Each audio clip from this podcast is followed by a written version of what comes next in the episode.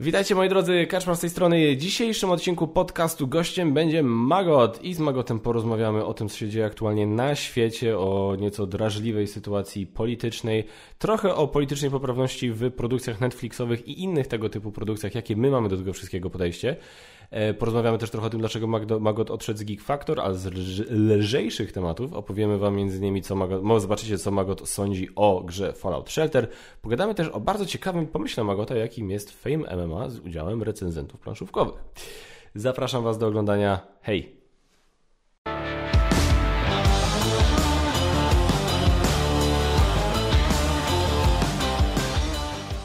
Siemano. Siemano, fajne wdziano. Cześć stary, dobrze Cię widzieć. Eee, mówi dla Was Kaczmar oraz gość specjalny. Magot, dzień dobry. Cześć czołem. Dzień dobry wieczór. Chciałbym odwzajemnić to, co mi powiedziałeś, że miło Cię widzieć, ale, ale nie. jakoś tak wrodzona szczerość nie pozwala mi tego powiedzieć. Absolutnie. No ja też tak naprawdę udaję, bo wiem, że po prostu widzowie na to liczą, że się w końcu pojawisz. I... No to jestem. Może powiesz, czemu odszedłeś z Geek Factor? Bo no ty już kiedyś tam powiedziałeś, coś tam to moje ego, tak?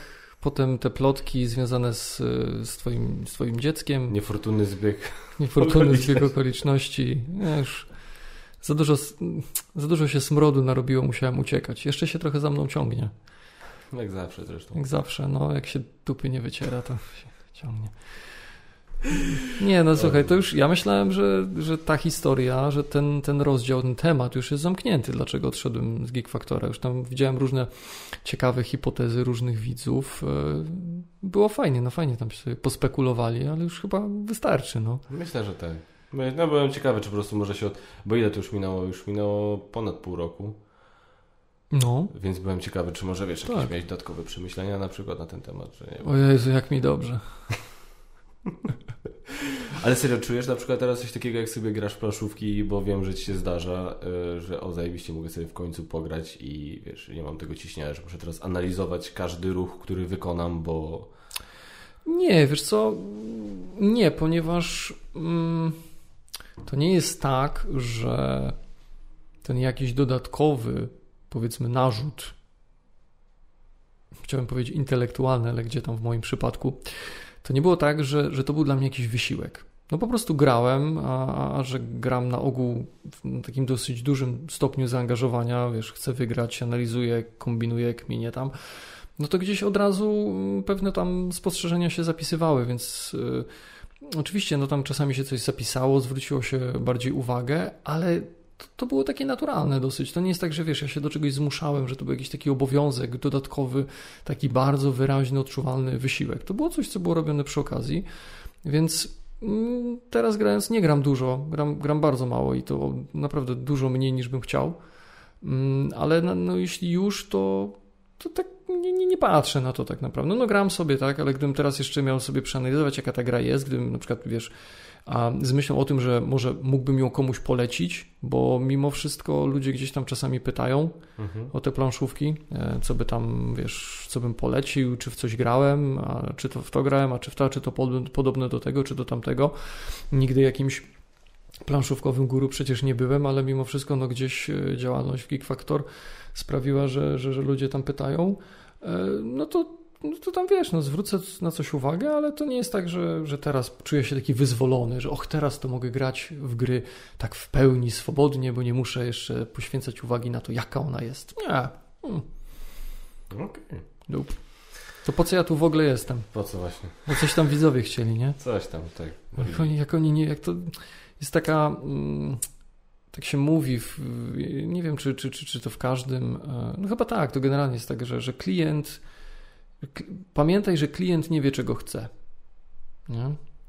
Że trzeba, że, klient przyjdzie do ciebie i mówi ci, to ja chcę to i to, a ty musisz pamiętać, że on może nie do końca zdawać sobie sprawę z tego, czego chce i trzeba dobrze to przeanalizować, dlatego są e, takie profesje jak gdzieś tam analityk biznesowy, jakiś user researcher, tak, że trzeba dotrzeć do tego klienta, trzeba go tak trochę wziąć gdzieś tam, wiesz, through the back door, e, żeby, żeby zobaczyć, żeby przeanalizować te jego potrzeby, dotrzeć do tych jego prawdziwych potrzeb i zobaczyć, czego on tak naprawdę może chcieć, bo może nie jest w stanie tego wyartykułować, albo może jego gdzieś tam wizja rozwiązania nie pokrywa się z tym, jaki jest naprawdę jego problem, jaka jest jego potrzeba, więc może widzowie tak naprawdę nie wiedzą, czego chcą. I może to, to nie chodzi o to, że to ja mam tu być. No to może, trzeba, może trzeba właśnie im tak pokazać po prostu. No, no dobra, to może Magot... teraz i zobaczycie, że to wcale tego nie chcieliście. No właśnie, to może Magot...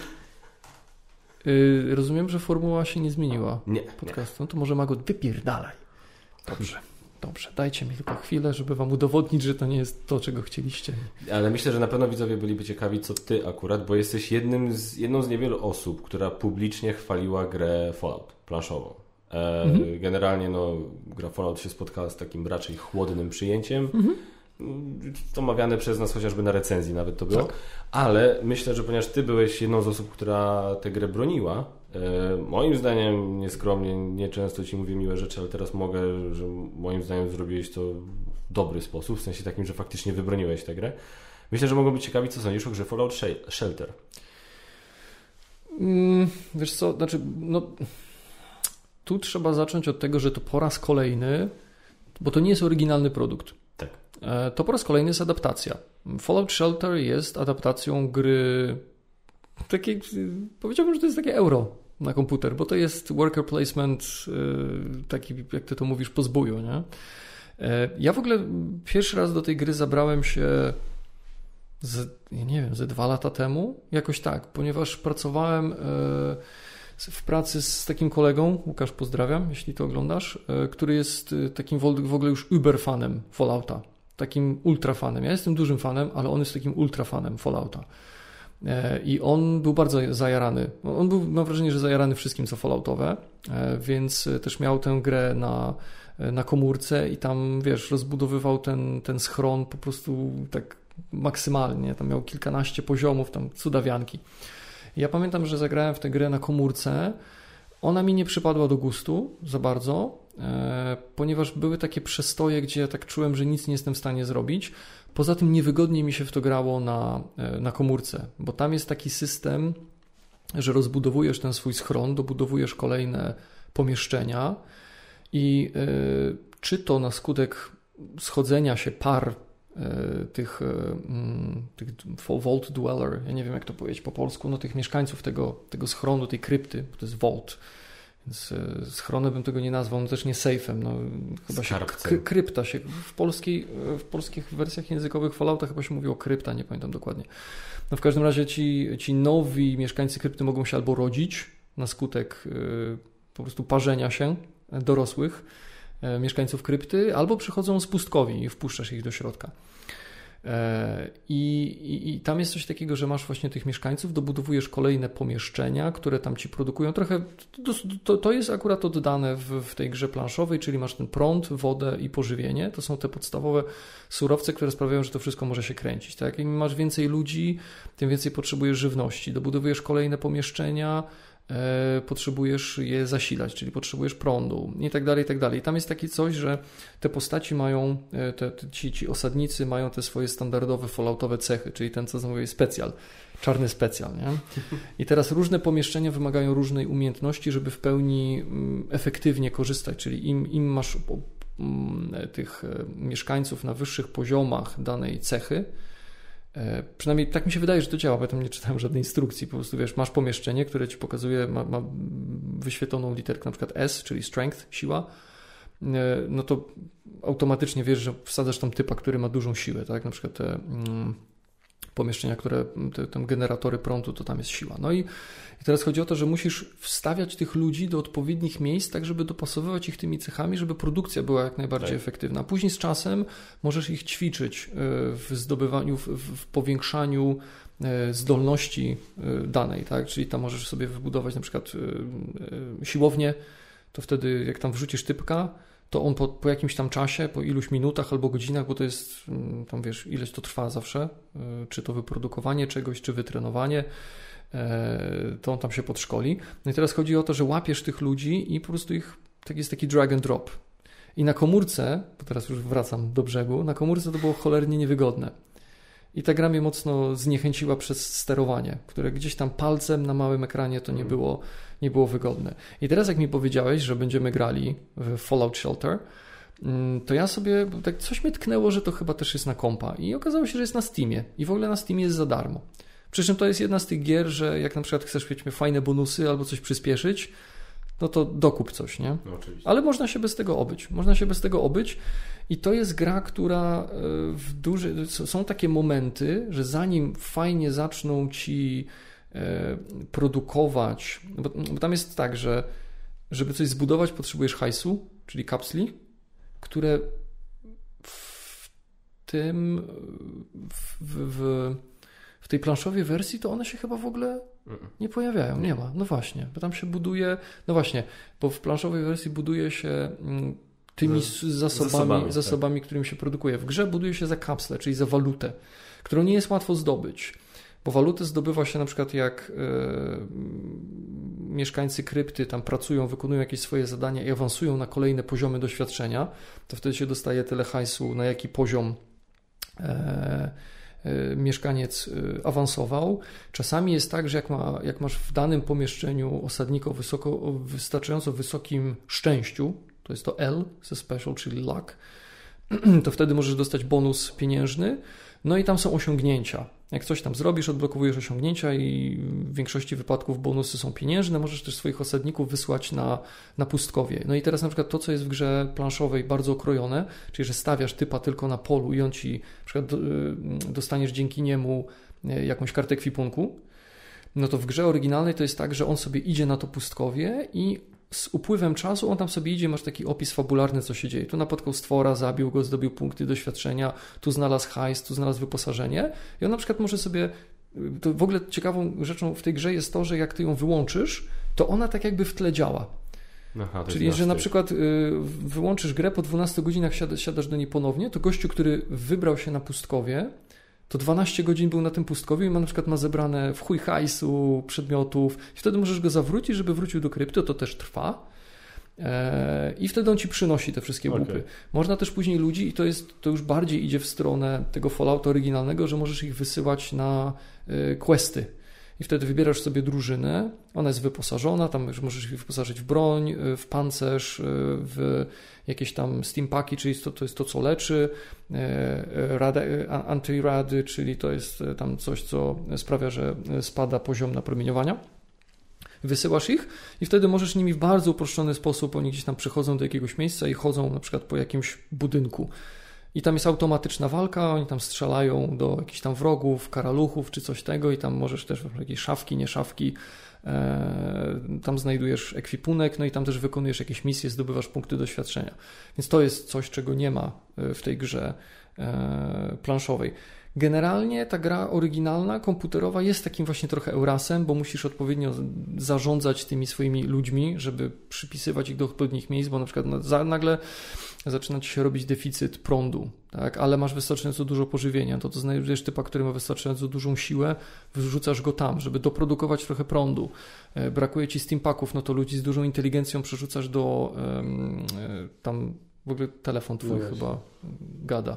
Sorry, teraz włączę przerzucasz go do jakiejś tam medbay czy coś takiego, oni to produkują, więc zarządzasz tymi ludźmi, sobie przerzucasz, więc to jest taki Euras, który momentami potrafi mieć bardzo taką krótką kołderkę, jak to Radek mówi, pozdrawiamy, bo tak wiesz, nie masz hajsu, y, nie masz ludzi, bo nie przychodzą nowi z pustkowi, albo tam nowi się jeszcze nie urodzili, albo są jeszcze dziećmi, bo to też trwa tam powiedzmy ileś godzin w czasie naszym rzeczywistym trwa, że zanim dziecko, które się urodzi, dojrzeje do bycia dorosłym i wtedy będziesz mógł je przypisywać do pracy, bo w tej grze nie wysyłamy dzieci do pracy. Nie. I są takie momenty, to, to tak jest, bo na początku się wszystko rozkręca. Masz kilku osadników, którzy stoją u wrót e, tej krypty, masz trochę hajsu, więc jesteś w stanie sobie tam pierwszą infrastrukturę zbudować. No i w tym momencie wszystko tak trochę spowalnia, no chyba, że coś dokupisz, nie? E, I tutaj zaczyna się robić tak na zasadzie, dobra, niech ta gra sobie chodzi w tle, ja tam będę robił coś innego. E, I później się tam, jak zaczyna się te osiągnięcia zdobywać i i zaczyna się wysyłać ludzi na questy, czy zaczyna się wysyłać już takich, którzy tam mają troszeczkę więcej doświadczenia i są wyposażeni i zaczyna się ich wysyłać w pustkowie, no to zaczyna się zdobywać ten hajs i można zacząć się bawić i odblokowywać sobie kolejne e, pomieszczenie i budować i wtedy jest fajniej, ale no to jest taka gra, że jest fajnie, jak na przykład odblokuje się nowy budynek, znaczy no, nowe pomieszczenie i je dobudujesz, tak? I coś tam się będzie działo, albo będziesz mógł ich wysłać na quest. W pewnym momencie ta gra dla mnie zaczyna się robić już po prostu maksymalnie nudna. No i teraz y, co do gry planszowej, to ona oddaje, wydaje mi się, tego ducha właśnie zarządzania tymi zasobami, tymi ludzikami, więc idealnie, to jest, to, to, to jest idealny kandydat na sucharka prostego takiego, nie? To prawda. E, jakiś tam sobie właśnie ten silniczek z tych pomieszczeń budujesz. Natomiast y, moje moje takie refleksje dotyczące tej, tej gry są podobne tej planszowej, czy też karcianej w zasadzie, bo ona jest bardziej karciana. Są podobne jak, jak co do tej gry cyfrowej. Nie powiem, że komputerowej, bo jest na różne platformy, że po prostu no, robi się nudnawa. I ja bym ją widział jako e, taki gateway do Eurasów. Bardzo prosty. E, tam jest ten, ten, ten motyw jeszcze tych zagrożeń, czyli masz coś, ten taki element nieprzewidywalny, tak, który też jest w grze e, tej oryginalnej, tylko że tam jest tak, że zagrożenia są w zasadzie czy przynajmniej na tym etapie, na którym ja byłem, są cztery. Czyli pierwsze, że może ci wybuchnąć pożar, czyli to jest, tak? Mogą ci z podziemi nagle wyleść karaluchy albo e, świnioszczury e, i ewentualnie mogą ci się mm, e, raiders, to jak to nazwać, łupieżcy, no bandyci mogą ci się wedrzeć do, do krypty, ale jak później już na jakimś etapie każdy z twoich każdy z twoich osadników ma broń w łapie i ma jakąś zbroję, no to oni nigdy żywi nie wychodzą. To gdzieś na drugim, trzecim, bo to jest tak zabawnie, oni wbiegają do pomieszczenia, nie masz na to wpływu, nie masz żadnej kontroli, to się dzieje automatycznie. Tam się napierdalają i ci, co przeżyją z tych bandytów, e, po jakimś czasie odpuszczają to pomieszczenie, nawet nie muszą tam wszystkich zabić i biegną do następnego. Tak pomieszczenie po pomieszczeniu, gdzie na początku na przykład nawet wszyscy są w stanie uciec, czyli tam no, zrobią ci oni nawet nie robią jakichś szkód, po prostu zaburzają ci na przykład produkcję, tak? bo w tym momencie wszystko gdzieś tam staje i uciekają, tak Później byłem na takim etapie, że wpadali do pierwszego pomieszczenia i tam już wszyscy byli rozwalani, nie? bo moi osadnicy zajmujący się jakimiś tam, wiesz, produkcją leków czy przygotowywaniem jedzenia, bo tam jest kantyna, to mieli karabiny laserowe, no i generalnie tam ci łupieżcy potem z jakimś po, po czasie przychodzą coraz bardziej na pakowanie, więc to jest lepszą broń. E, no więc to w jakiś sposób jest oddane, ale to jest gra cholernie prosta i wydaje mi się, że każda rozgrywka będzie bliźniaczo podobna, no bo masz dużo, masz tam trochę tych pomieszczeń, ale w dużej mierze to, co one robią, jest podobne. E, tam oczywiście masz takie warianty, że wyprodukuje ci trzy różne tam jakieś ciekawe rzeczy i możesz to sobie jakoś tam pokombinować, ale nie wydaje mi się, żeby to była gra, która na, na, długo, na długo wystarczy. Podejrzewam, że takim hardkorowym fanom Fallouta to nie trzeba będzie mówić dwa razy, żeby ją kupili. Ja osobiście fajne pudełko, no, metalowe. I tak jak Ci mówiłem, tak. jakby mi gra nie przypasowała, to po prostu wywaliłbym karty i pudełka bym używał jako pudełka do śniadaniowego. Ale tak ogólnie nie zachwyciła i nie sądzę, żeby zachwyciła. No chyba, że ktoś jest y, bardzo dużym fanem Fallout Shelter, tego cyfrowego, to być może. Ja nie byłem, y, więc ta gra tym bardziej mnie nie zachwyciła. No, zagrałem, ale mówię, może gateway jakiś, tak? Dla mnie to było za proste. Ona, ona mi też nie oddała tego poziomu wymaga... Bo, bo, bo sam Fallout Shelter jest dosyć wymagający, tak? Tylko, że tam on jest w czasie rzeczywistym, więc coś się dzieje, tych ludzi przenosisz na bieżąco, tak? Tutaj to masz jeszcze tak rozwle... rozwleczone, no, to może nie, nie brzmi jakoś tam pozytywnie, ale no masz to rozłożone jeszcze natury, więc to tak jakoś wytraca jeszcze tak tempo i, i no mi ta gra tak Średnio. Nie, nie, nie powiem, że nie, nie miałbym, nie czuję potrzeby, żeby do niej wrócić, żeby zobaczyć, a może jeszcze jakie są budynki, a może jeszcze znaczy pomieszczenia, a może jeszcze jakie inne e, te zagrożenia, jakie tam stwory się wedrą. Mm, ech, tak. Znaczy, w ogóle ten, jak to jest publikowany, ten podcast, to jakby recenzja moja już na, na kanale pewnie jest, więc ja już tam mm -hmm. widzowie wiedzą co ja myślę. Znaczy, ja generalnie grę bym polecił, tylko z takimi caveats, na zasadzie, że e, gra jest dynamiczna, w sumie nie przeciąga się, nie udaje czegoś, czym nie jest, jest w miarę prosta, no, naprawdę szybko można to wytłumaczyć, dlaczego, dlatego tak, Gateway moim zdaniem to absolutnie może być. Mm. Jest dobrze wykonana, jest naprawdę sprawna i jest fajnym worker placementem. Jak się ale, dobrze gra. Ale no. No tam zdarzył się jest. błąd. ale to jest, że tak powiem, do, do tego poziomu to jest doprowadzone. Tak? Dla, dla kogoś, kto oczekuje czegoś więcej od gier, to podstawowym grzechem tej gry akurat jest moim zdaniem to, że to tam, tam się nic nowego nie dzieje, mm -hmm. co rozgrywka. To jest po tak, prostu no. nic nowego. Przy, to nie jest tak, że przy następnej rozgrywce, a teraz spróbuję taką strategię. To nie jest tego typu Nie, aczkolwiek w tym akurat aspekcie, no to oddaje ducha pierwowzoru, bo tam jest podobnie. No, No to- jak, jak wyzerujesz, jak zaczniesz od nowa, no to będzie w dużej mierze to samo, tak? Bo te postaci, e, ci, ci, ci mieszkańcy, to nie są jakieś takie indywidualności. Okej, po, po jakimś czasie na przykład miałem, że miałem już taką trójkę wypasioną, która była moją trójką do wysyłania na questy. No to tak, ale cała reszta to byli tacy bezimienni, gdzie tylko patrzysz na statystykę. Więc to też sprawia, że to za każdym razem jest praktycznie to samo, bo y, oni mają niby imiona, nazwiska, różnią się tam wyglądami, ale jeśli bym zaczął teraz nową grę i miałbym nowych, to, to nawet bym nie zwrócił uwagi, tak? No. No dobra, e, słuchaj, zapomniałem, w ogóle chciałem od czegoś innego zacząć. Czy ty masz w ogóle na YouTube zasubskrybowanego e, Netflixa? Czy nie? Czekaj, na YouTube? Za... A to Znaczy w sensie, że kanał, oficjalny kanał Netflixa zasubskrybowany na YouTube, bo oni tam, tam wrzucają A. trailery swoje. Nie, no wyszedłem z założenia, że jak mam subskrypcję Netflixa, to znaczy ja nawet nie wiedziałem, że mają swój kanał na YouTubie, więc nie, nie, nie mam, nie. E, No bo chcę ci coś puścić, żebyś obejrzał. To jest półtorej minuty. się pojawił trailer do nowego serialu Netflixa. To jest... E, e, I myślę, że nie ma w tym sformułowaniu żadnej przesady, że jest to Netflixowa wariacja na temat legendy króla Artura.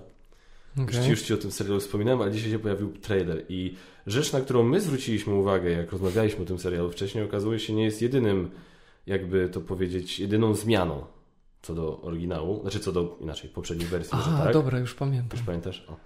Widzowie, zapraszam, jest na kanale Netflixa, jakby co, ale myślę, że dźwięk Wam też trochę wystarczy. Jest króciutki, minuta 13 nawet.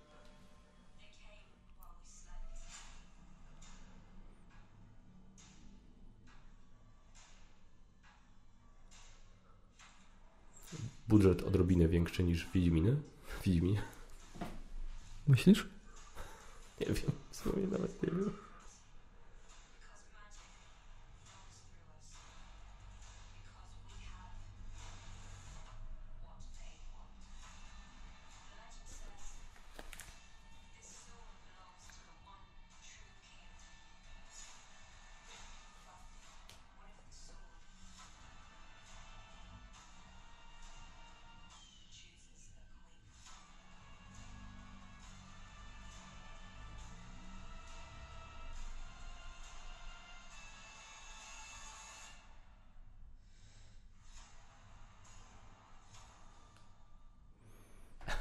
Okej.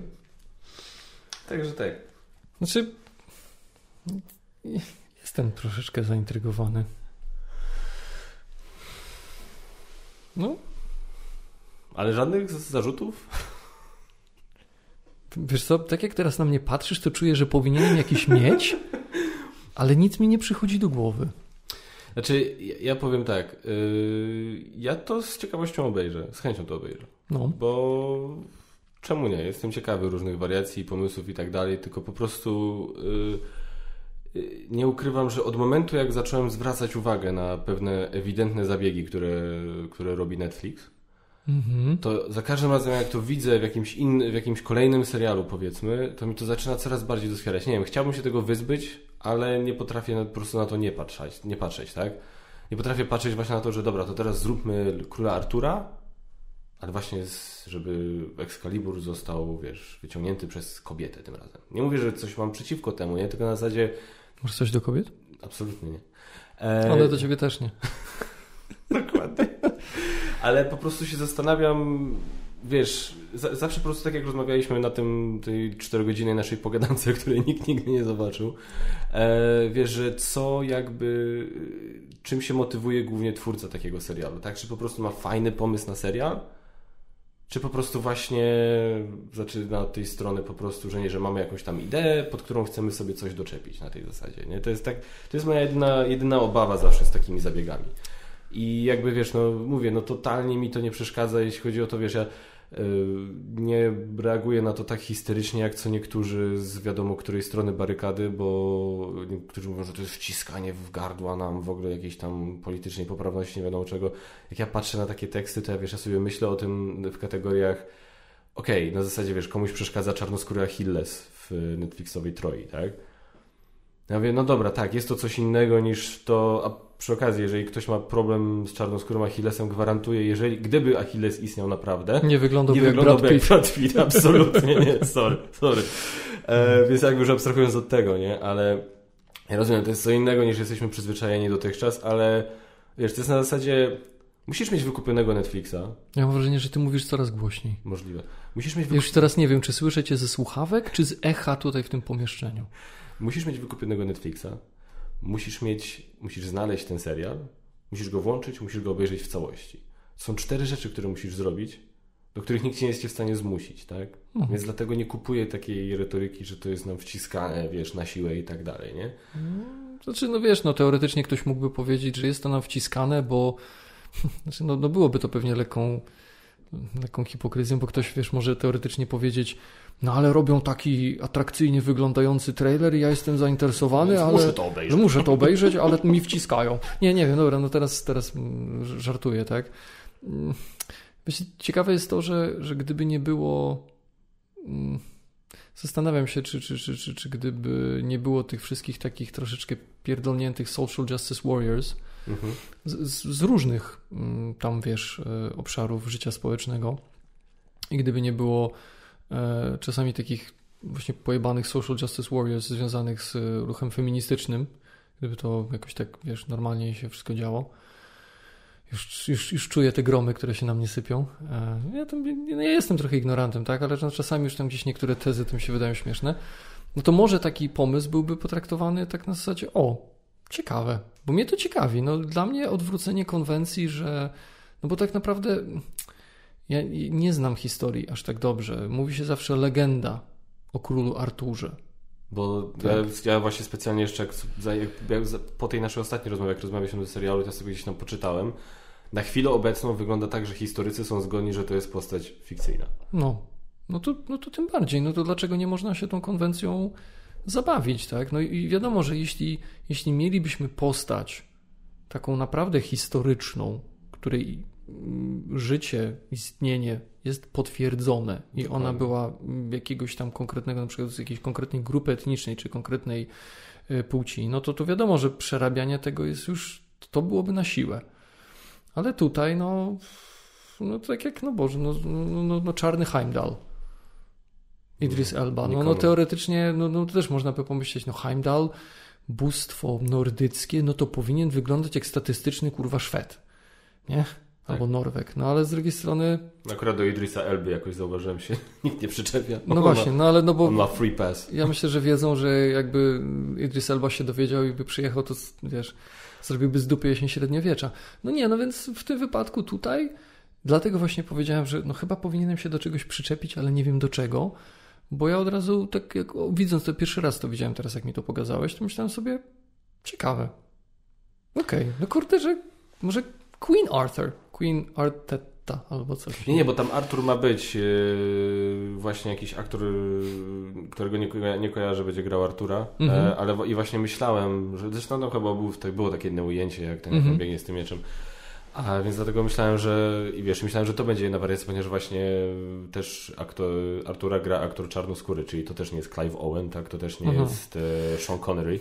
No to E, tutaj już powiedzmy, że tutaj już miałbym pewne zastrzeżenia, bo. Bo gdyby istniał, to szanse, że był czarnoskóry są bardzo małe. E, Tak? Tak, bo tu już mówimy też o kontekście geograficznym. Tak. Tak. geograficznym. No to tak samo jak w. Ja wiem, to nie jest powód dumy i absolutnie żałuję, że to widziałem, żeby tak, żeby, było, żeby była jasność, ale oglądałem Smoleńsk. Transformers, no Smoleńsk też oglądałem. E, Transformers Ostatni Rycerz. Zapomniałem wiadra podłożyć, przepraszam. No, dno straszliwe. I tam, yy, Boże, no mogę się pobawić spoilery, bo absolutnie nie oglądajcie tego. Nie popełniajcie tego błędu, co ja. Ja to obejrzałem, to jeszcze, jeszcze chyba byłem w Geek Factorze, to tak raczej z takiego, myślałem sobie, mm, z takiego recenzenckiego obowiązku, żeby wiedzieć, o czym mówię, żeby tego kina jak najwięcej poznać, żeby nie wypowiadać się ignorancko, żeby, żeby wiedzieć, nie? No, na tej pory boli. W każdym razie i tam mm, wracają, ta- tam, tam są takie przebitki na e, króla Artura właśnie, Mhm. jego rycerzy, e, tam Merlina, gdzie Merlin akurat był najjaśniejszym punktem, grał go e, Stanley Tucci. To nic, że grał też e, postać w teraźniejszości, jakby w naszych czasach, w tym Wiek Zagłady, Transformersach. Rację. Stanley Tucci gra Merlina i ciągle, na, i ciągle jeździ najebany. Jeździ najebany po Anglii i woła, tam Okej. szuka Transformersów. To kupuję, to No, mogę to, kupić. to było spoko. Natomiast y, w świcie y, króla Artura jeden z rycerzy jest czarnoskóry. No niby, niby, niby, wiesz, no, teoretycznie w, w tej opowieści o Robin Hoodzie jest y, też mm, postać. Znaczy, no, no tam różne były, różne były interpretacje. No była interpretacja y, ta z Morganem Freemanem. Mhm. Tylko, że to jest uzasadnione, no bo mm, Robin z Loxley wraca z wyprawy krzyżowej. Nie? To już jakby Europa zetknęła się z ludami Bliskiego Wschodu, Afryki, no i tam była jakaś tam więź między nimi, bo jeden drugiemu uratował życie, on z nim przyjeżdża do Anglii. Ale raczej nie dostałby tytułu szlacheckiego, no nie wydaje mi się, żeby został rycerzem króla Artura. No więc tutaj wjeżdżamy też na taki grząski grunt mm, e, e, takich realiów społeczno-geograficznych tych czasów. No ale z drugiej strony, no, no skoro jest to legenda, no to też pewnie gdzieś tam można do tego podejść z przymrużeniem oka. No to tak samo można by pójść dalej i powiedzieć, że no to ym, Gotham, tak? Nie ma takiego jak miasta jak Gotham, nie ma Metropolis, nie ma Sokowi. No, no więc, no to tam.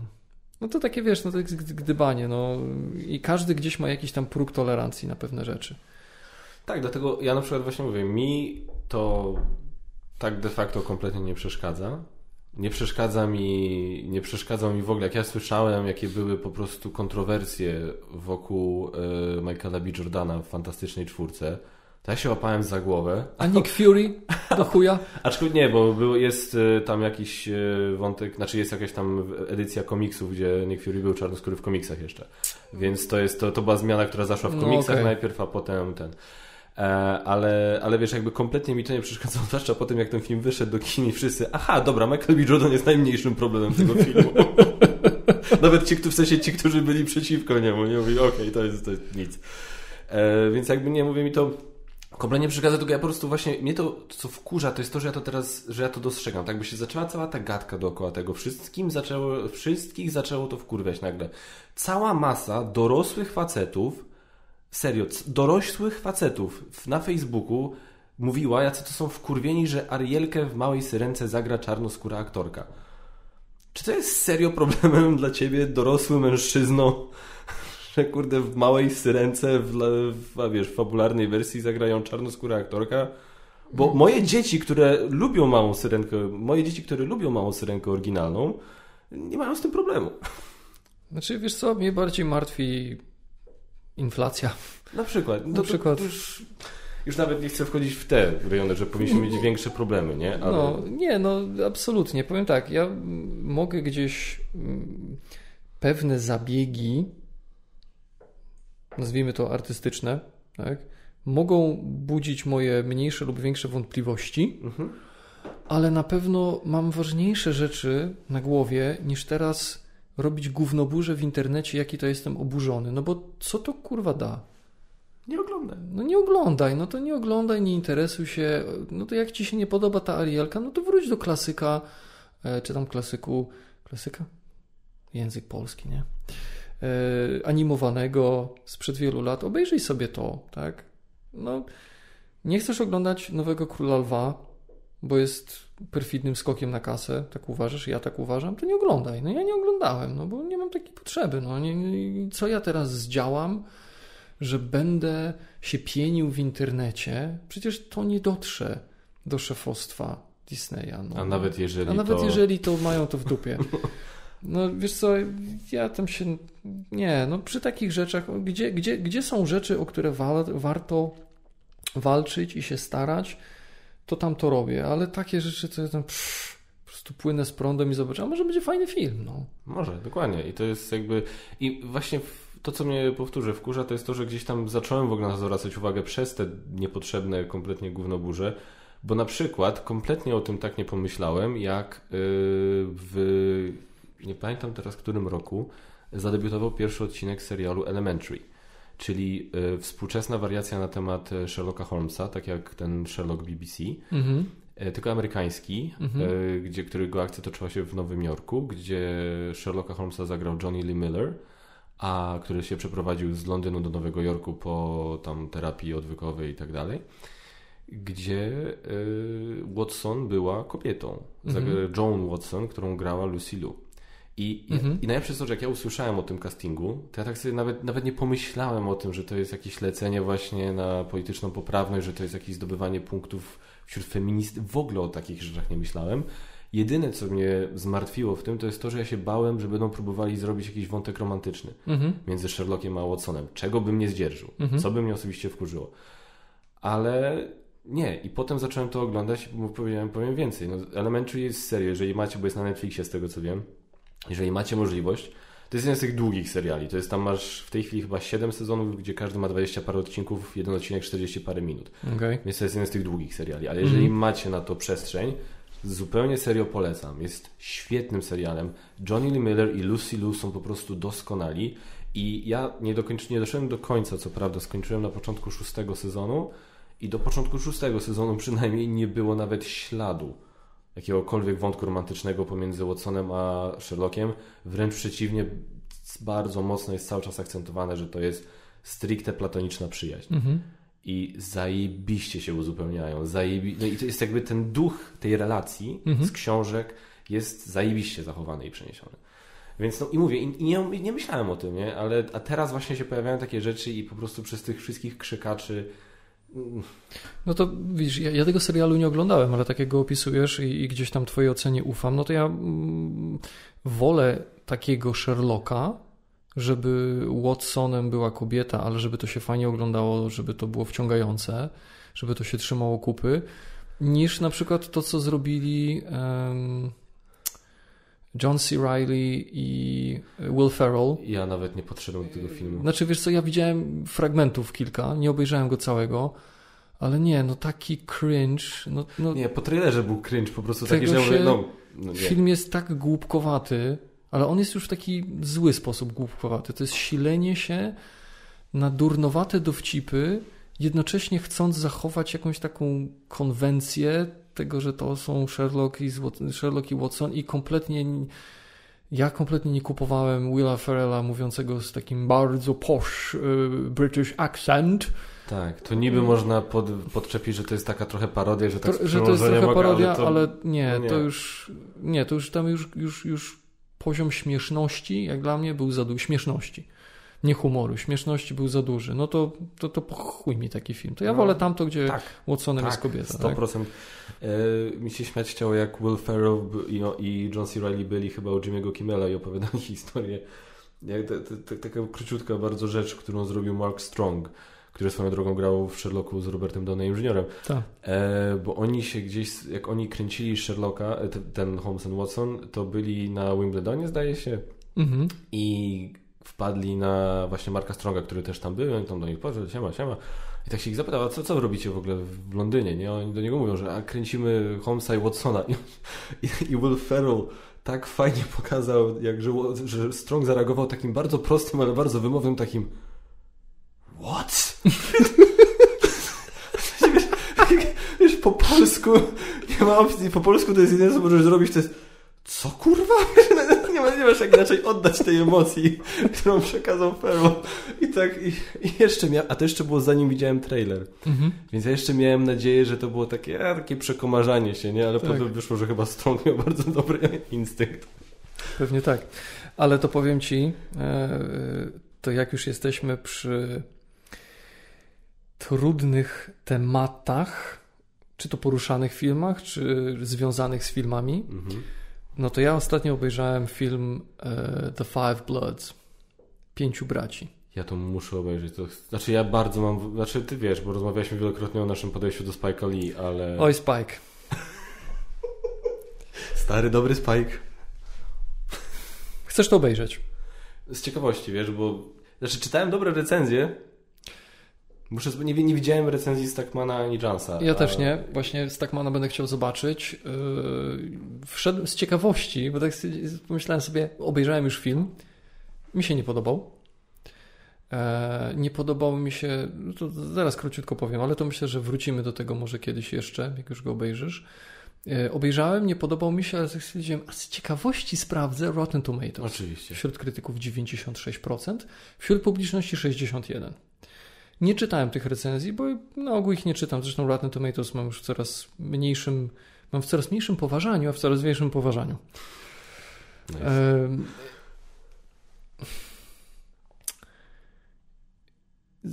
Spike to jest, to jest tak jak końcówka. Mam wrażenie, że to jest jak końcówka Black Klansman.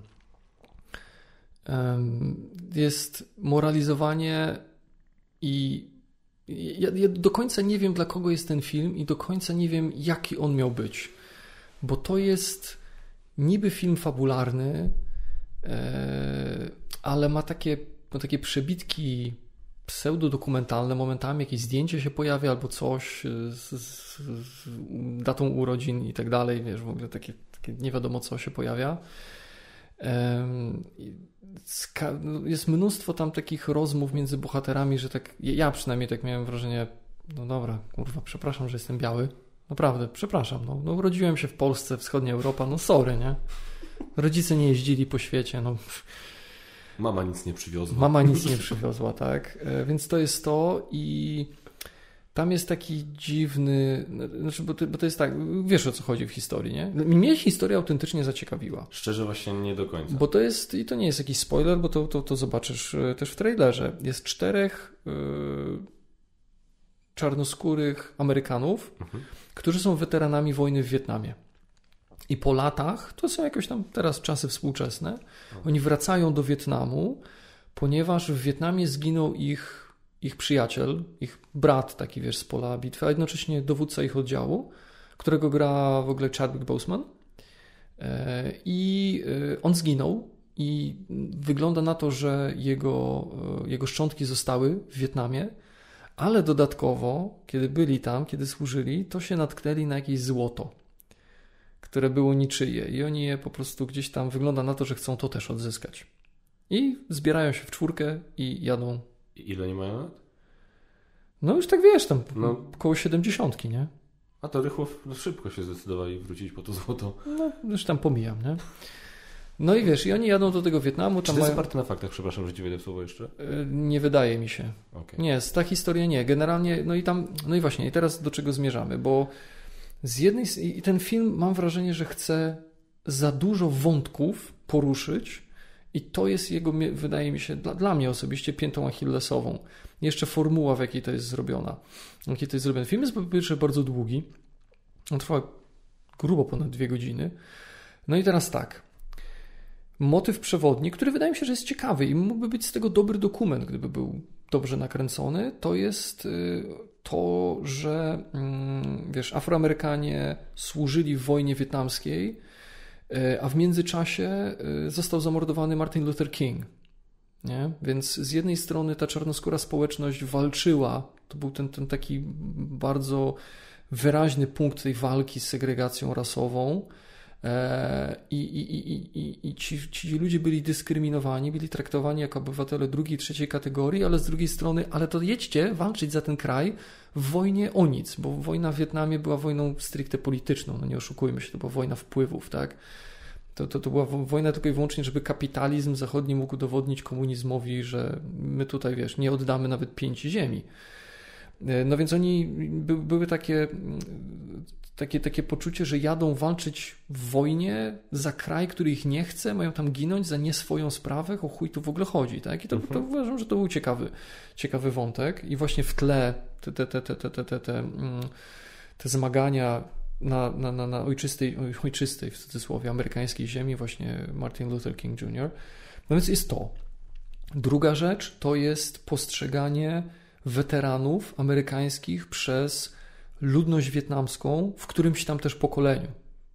Tak? Chociażby w drugim pokoleniu, czyli są dzieci osób, które e, żyły podczas wojny wietnamskiej, tak? czy to po stronie Wietnamu Południowego, czy, czy, czy Północnego, czy Wietkongu. Więc to jest kolejny motyw. E, I kolejny motyw to jest e, jakieś tam ścieranie się interesów właśnie tam wiesz, tych wietnamskich, y, znaczy tych komunistycznych, amerykańskich, tam Francuzi się gdzieś pojawiają, w ogóle Jean Reno gra w tym filmie. Boże, jaki no jest już brzydki i gruby i w ogóle stary i ten... Odpal sobie później trailer do Unhinged. Zobaczymy, co powiesz o Russellu Crowe. A, okej. Okay. A, widziałem. A filmu jestem ciekaw. Jestem bardzo ciekaw filmu, no. ale Russell... I, i, no i teraz tak, i masz to, masz to jako to tło yy, i teraz masz dodatkowo jeszcze motyw z tym, z tym całym tą złotem. Yy, dodatkowo jest bardzo dużo przemycanej yy, przemycanego takiego komentarza społecznego na temat tego, co się dzieje teraz. Trumpowi się dostaje. Trump, no. Tak, tak, jest, jest tam z Trumpem. Yy, z tym Trumpem to też jest, jest, jest o Trumpie i jest tych czterech bohaterów, z których tak naprawdę jeden jest taki bardzo wyrazisty, ale mam wrażenie, że po prostu chcieli w nim skupić wszystko. Jest jeden gościu, który ma wszystko i są trzy pozostali, którzy jak dla mnie są takimi trochę wydmuszkami. E, więc mam wrażenie, że postaci są nie za dobrze napisane. E, I, I, jest teraz taki, taki zabieg artystyczny, że kiedy wracamy, kiedy akcją przenosimy się do wojny w Wietnamie, kiedy widzimy tych żołnierzy, kiedy oni jeszcze byli razem, kiedy ten ich e, dowódca żył, jest tam taka potyczka z żołnierzami prawdopodobnie Wietkongu, to jest dziwny zabieg, ponieważ tylko Chadwick Boseman jako ten żołnierz, który wtedy zginął, jest grany przez młodego aktora. A ci czterej żołnierze, którzy teraz już są weteranami, to w tej retrospekcji grani są przez tych samych aktorów. A są Czyli... odmłodzeni jakoś? Nie, nie. Właśnie nie. Czyli to jest tak jakby, wiesz, ich jakieś wspomnienia, nie wiem, jakieś pokazanie, że to jest w nich żywe. Więc jest taki dziwny zabieg, okay. że masz czterech starych gości, którzy biegają z gówniarzem i strzelają totalnie to do mnie nie przemówiło. Tak samo jak to, że y, kadr jest, w momencie kiedy jest przeskok, jest ta retrospekcja, to kadr jest zmniejszany do innych proporcji, tak jak kiedyś tam było. No, no. Tam, wiesz, teraz mamy 16,9, to było jakieś 4,3? 4,1? Nie. 4, no nie wiem, no jest generalnie jest, no. jest takie zwężenie, tak? No. E, więc jest to i na przykład sceny akcji, gdzie tam są jakieś strzelaniny, są nakręcone fatalnie. To jest żenujące. Absolutnie. To jest poziom wykonania tych scen, właśnie tam tej, tych, tych potyczek, yy, chociażby właśnie tutaj, gdzie oni tam są żołnierzami jeszcze w Wietnamie i walczą z tymi żołnierzami Wietkongu, to jest zrobione po prostu fatalnie. Nie wiem, co ty będziesz sądził o tym. Wystrzały, wiesz, ten, ten, ten, ten, te płomienie wylotowe z karabinów, to jest wszystko komputerowe. Yy, wszelkie odpryski od jakichś tam kamieni, czy uderzanie kul w poszycie samochodów, yy, samolotów, wszystko komputerowe. E, goście po prostu trzymają karabiny, te karabiny strzelają, nie widzisz, żeby był jakikolwiek odrzut. I to wygląda po prostu jak, jak jakby ktoś nagrał paintballa albo ASG e, i potem dorobił tylko parę efektów specjalnych. Jest to zrobione naprawdę według mnie totalnie, totalna żenada. Aż się źle na to patrzy i w pewnym momencie ja nie byłem w stanie stwierdzić, czy czy to jest tylko taka konwencja, że to ma być pokazane z lekkim przymrużeniem oka, czy ktoś po prostu tak chujowo to nakręcił? I do tej pory tak nie do końca wiem. Czy to miała być taka konwencja, że to jest takie, takie trochę właśnie jakby coś mi się przypominało? No, no, nie wiem, nie wiem, po prostu nie jestem w stanie stwierdzić, bo w tym nie ma żadnej dramaturgii, nie ma żadnego napięcia, nie ma realizmu, po prostu paru typów biega i gdzieś strzela do jakichś tam niewidocznych celów. Naprawdę, no masz wrażenie, że że to, jest, że to jest grupa dzieciaków, która się bawi plastikowymi zabawkami. Może wiesz, może to jest jakoś tak, że ten film miał wyjść później, ale na przykład z racji na to, co się teraz dzieje w Stanach, to stwierdzili, dobra, to nie, przyspieszmy, żeby Niewykluczone. To Wykluczone, ale to już nie będę spoilował. Yy, no, A, znowu... Nie. No, tak. Już pewnie trochę zaspoilowałem, Spike, tak? Spike. Ale Spike, Spike znowu serwuje E, no, no jest, jak to się mówi, force feed, no tak na, na siłę. Łopata. No, łopatą, łopatą wykłada, znowu moralizuje yy, niepotrzebnie, niepotrzebnie, naprawdę niepotrzebnie. Uważam, że można było nakręcić. Są filmy, które poruszają bardzo ważkie tematy, bardzo trudne tematy, mhm. bardzo, są bardzo potrzebne, ale są filmami fabularnymi i nie silą się na bycie dokumentami, nie silą się na moralizowanie, mają doskonale napisaną historię, postaci, dialogi. Weźmy chociażby Spotlight, weźmy chociażby, e, jaki po polski tytuł, Zniewolony, tak? 12 Years a Slave. Tak. To był film i on był na faktach. Oczywiście. Oba te filmy były na faktach, ale miały dos były doskonałe z Tak. artystycznego punktu widzenia. Więc można zrobić coś takiego, można zrobić Smoleńsk, który nie porusza słabej historii.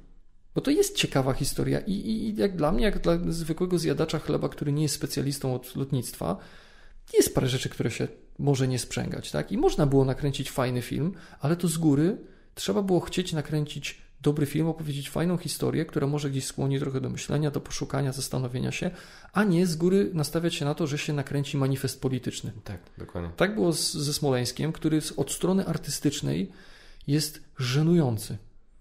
Mhm. Od strony artystycznej to, to jest jeden z najgorszych filmów, jakie w życiu widziałem. I to, co teraz mówię, nie jest moim manifestem politycznym, nie. Od strony czysto artystycznej, yy, scenariusza, montażu, gry aktorskiej, Smoleńsk jest po prostu dnem.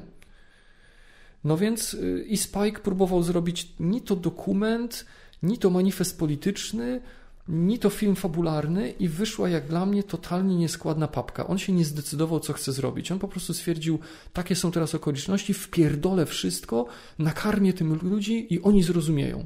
I oni się przejmą. I oni może się zaangażują. I teraz wydaje mi się, że ten film trafiający do szczególnie białego mieszkańca Europy Wschodniej, on nie wzbudził we mnie żadnych emocji, on żadnej nutki we mnie nie ruszył, chociażby w związku z tym, co się teraz dzieje w Stanach. Nic. Pozostawił mnie totalnie obojętnym. Jedyne, co mnie zainteresował trochę, to no ciekawe, jak, jak to było z tymi czarnoskórymi żołnierzami w, w tym, w Wietnamie. A jeśli chodzi o tych aktywnych takich teraz działaczy, wiesz, tam Black Lives Matter, tych wszystkich ludzi, którzy zajebiście emocjonalnie podchodzą do tych akt- aktualnych wydarzeń, no to okej, oni obejrzą ten film i to tylko potwierdzi to, co i tak już wiedzą, czego są przekonani. Więc ten film nie jest, w stanie, nie jest w stanie trafić gdzieś do, do tego, mam wrażenie, tego środka, tak? Tych ludzi, którzy się może gdzieś tam zastanawiają, próbują coś skumać, gdzie, co, o co chodzi z tą całą sytuacją. On jest bardzo skrajny i we mnie nie wzbudził żadnych emocji i uważam, że od strony czysto artystycznej jest po prostu słaby. Tak, i to wiesz co, i to boli, bo yy, po pierwsze Spike Lee jest doskonałym reżyserem, znaczy inaczej, przepraszam, potrafi być doskonałym Potrafi być. reżyserem, Tak. aczkolwiek mój ulubiony film Spike'a Lee to jest o ironio film, gdzie jest praktycznie stuprocentowo biała obsada, czyli 25 godzina z Edwardem Nortonem, Philipem Seymourem Hoffmanem.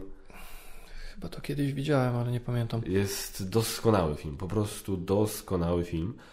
Em, natomiast y, Spike Lee ostatnio, od, znaczy od jakiegoś czasu, on, on, on stara się po pierwsze, mam wrażenie, być ambasadorem wszystkich czarnoskórych Amerykanów. To po pierwsze, bo je, jedzie, regularnie jechał e, tego e, Tarantino za ten, za, za używanie słowa na N, za, za Nigger. To, no nigger. że wiesz, że Django, że Django Unchained był beznadziejny, bo niewolnictwo, e, wiesz, slavery wasn't a spaghetti western, nie? że niewolnictwo nie było westernem. A wiesz, ale już Samuel L. Jackson już wkraczał na zasadzie, to nie jest problem, tak jakby... Przepraszam, że ci przerwę. Szczerze, mnie bardziej poruszył Django, mimo że był filmem też przezajebiście śmiesznym, Tak. to mnie tam parę rzeczy bardziej poruszyło niż wszystko, co obejrzałem do tej pory w wykonaniu y, Spike'a Lee. Sorry. Ja, ja zawsze w tej sytuacji mówię, że słuchajcie, no, no, naprawdę ja jako Polak nawet mam pewne porównanie, ponieważ jak oglądałem Inglourious Basterds, to scena, w której po prostu Hitler został po prostu No, podziura podziu- poszatkowany. poszatkowany do bólu kulami, przyniosła mi tyle wewnętrznej satysfakcji. Że no nie chce, mi się do, nie chce mi się wierzyć, że na przykład osoby czarnoskóre oglądające Django w momencie jak Django złapał beach i zaczął tego rednecka po prostu trzepać tak, że po prostu... Nie chce mi się wierzyć, że osoby czarnoskóre oglądające nie czuły pod czegoś podobnego. Kumasz, no? no. No, no, no nie powinno, i wiesz, i jakby, i, i, ale właśnie o tym nawet mówię, to już nawet abstrahując, co ja myślę, tak? Tylko właśnie o tym, że Spike Lee tak atakował Quentin Tarantino, a kurde, no Jamie Foxx, Samuel Jackson, którzy, no co kurde, oni są autonomicznymi osobami, no nie no, przeczytali scenariusz, pogadali z Quentinem, zgodzili się w tym zagrać, no i potem go bronili, mówili, no, no nie no, to co, co mieliśmy udawać, że tego słowa nie było wtedy? no właśnie. No. Że, co, że co, że my mieliśmy między sobą, ja i Jamie mieliśmy między sobą mówić tak, nigger, ale jak Walton Goggins do mnie coś mówił, to miał powiedzieć, hey, you N-word. No, no jak? No jak? No nie, no, no to Więc- jest... No takie były realia, Dokładnie. no to, to, oddajemy. No więc... to jest mój, mój pierwszy problem z Spike'em Lee, który mówi, że on się stara być ambasadorem, gdzie chyba no nie wypada, żeby ktokolwiek, jakakolwiek jedna osoba z jakiejkolwiek grupy była ambasadorem dla wszystkich osób tej grupy. I e, druga... ja, ja myślałem, że ty jesteś ambasadorem wszystkich e, planszówkowych youtuberów. No, no, no dobra, jeden wyjątek. No, wyjątek potwierdzający regułę. E, druga rzecz jest to, że on jest po prostu, że przekazy, którą, rzeczy, które, o których on chce opowiadać, tak? czyli współczesne problemy w Stanach Zjednoczonych, współczes jak rasizm wygląda obecnie w Stanach Zjednoczonych, to są ważne tematy, to, mhm. są, to są prawdziwe problemy. I nie ma co dawać, że one nimi nie są. Problem polega na tym, że Spike nie po, za chuja nie potrafi być subtelny. To jest no mój drugi problem, ten brak subtelności. I właśnie to, co ty, ja na przykład, to co ty powiedziałeś, to jest 100% racji film, który ma ciekawą historię, który, który ma fajnych bohaterów, fajnie jest zagrany i tak dalej, jest w stanie o wiele więcej zrobić. Mi na przykład, przepraszam, jeżeli to zabrzmi naiwnie, mi oczy otworzył film, w jakimś stopniu otworzył oczy film The Help z mhm. Violą Davis. Bo, film. bo ja na przykład, nie, wiesz, ileś razy się spotykało argumenty właśnie z południa Stanów Zjednoczonych najczęściej na temat tego, no dobra, no niby chcemy takiej równości, ale weź popatrz, ile czarnoskórych jest wśród, y, wiesz, absolwentów uczelni i tak dalej, i tak dalej. I obejrzałem The Help i zobaczyłem tam sceny, które pokazywały, jaki dostęp do szkolnictwa wyższego na przykład miały osoby czarnoskóre. Wiesz, to, to było, to, to, oni byli traktowani, wiesz, no, jak, jak śmiecie po prostu, mhm. tak? To po prostu scena jak, y, nie pamiętam teraz, czy to właśnie była Viola Davis, czy kto, y, inna, która y, prosiła Bryce Dallas Howard o, o pożyczkę, czy tam wcześniejszą wypłatę, żeby móc opłacić studia. I Bryce to... Dallas Howard jej odmówiła, bo powiedziała, że... Wiesz co, to chyba była Octavia Spencer. Może. Tam... Tak, to mogło no. być. I, I po prostu ja, ja naprawdę, ja, ja, ja po prostu ja zacząłem cały chodzić, że można coś takiego drugiemu człowiekowi powiedzieć, nie? Jakby sobie zrozumiałem, no mówię, kurde, spychasz całą grupę społeczną na margines, nie dajesz im dostępu do dobre, dobrze płatnej pracy, nie dajesz im dostępu do edukacji, a potem się dziwisz, że tam jest wysoka przestępczość i uzależnienie od narkotyków. No, no i, właśnie, i właśnie o to chodzi, tak? Bo wydaje mi się, że to, bo teraz ludzie łat, bardzo łatwo, zajebiście łatwo ulegają emocjom. Tak. To I to, co się teraz dzieje, to moje zdanie jest takie, że wszystko jedzie na emocjach. Bo potem gdzieś widzisz statystyki i statystyki są bezlitosne, tak? Że, to, że, że nawet więcej, na przykład statystyka, że więcej nieuzbrojonych białych mężczyzn ginie z rąk policji w ciągu roku w Stanach Zjednoczonych niż czarnoskórych. No ale to, to jest też kwestia jakby stosunku w ogóle białych do czarnych w ogóle. Tak no, no, no, tak, ale też ludzie, no, no dobra, no ale tu zginął jeden, tak? I są zamieszki kurwa na cały kraj. No. No, no, no, jest mnóstwo emocji i uważam, tak. że to, co Amerykanom nie jest teraz potrzebne, to są emocje. To jest racjonalne spojrzenie na problemy i wydaje mi się, oczywiście moja wypowiedź będzie teraz troszeczkę pewnie ignorancka, bo ja się tak tym nie interesuję, ale nie mogę się oprzeć wrażeniu, że ruch Black Lives Matter, zresztą to jest nawet to, co powiedział tam, to co ci podsyłałem, no. tak co krążył ten, ten fragment tego, tego wywiadu tam, że ten ruch się uaktywnia, kiedy dochodzi do takiego skrajnego zdarzenia, gdzie zginął człowiek i nie powinien był zginąć, tak? Jaki by on nie był, bo też tam miał swoje za uszami, no ale to nie jest powód, żeby, wiesz, gościa, kurde, dusić nogą, tam przyciskać do asfaltu, żeby on zmarł, nie? No to, to, to, to nie jest usprawiedliwione, bo nie tak powinno, nie tak powinien działać wymiar, y, wymiar sprawiedliwości. E, ale to wszystko jest na emocjach i oni się aktywują w momencie, kiedy dochodzi do takiego wyrazistego zdarzenia, ale to zupełnie to wszystko cichnie, kiedy trzeba zająć się realnymi problemami, czyli właśnie to, co mówisz, skąd się bierze e, bezrobocie w tej grupie społecznej, mhm. skąd się bierze taka przestępczość, skąd to się wzięło, jakie są, e, jaka jest geneza tego i co teraz, jak, jak ogromnym wyzwaniem byłoby, żeby to zmienić, jak trzeba zreorganizować kraj. I to jest to jest tak zwany syndrom, to, na to się mówi, nie, nie pamiętam nazwiska e, naukowca, który to ukuł, termin bike shedding. E, w skrócie, e, jakaś komisja, jeśli dobrze pamiętam, jakaś tam komisja się zebrała, jakiś tam mądrych głów, żeby dyskutować na temat e, budowy elektrowni jądrowej.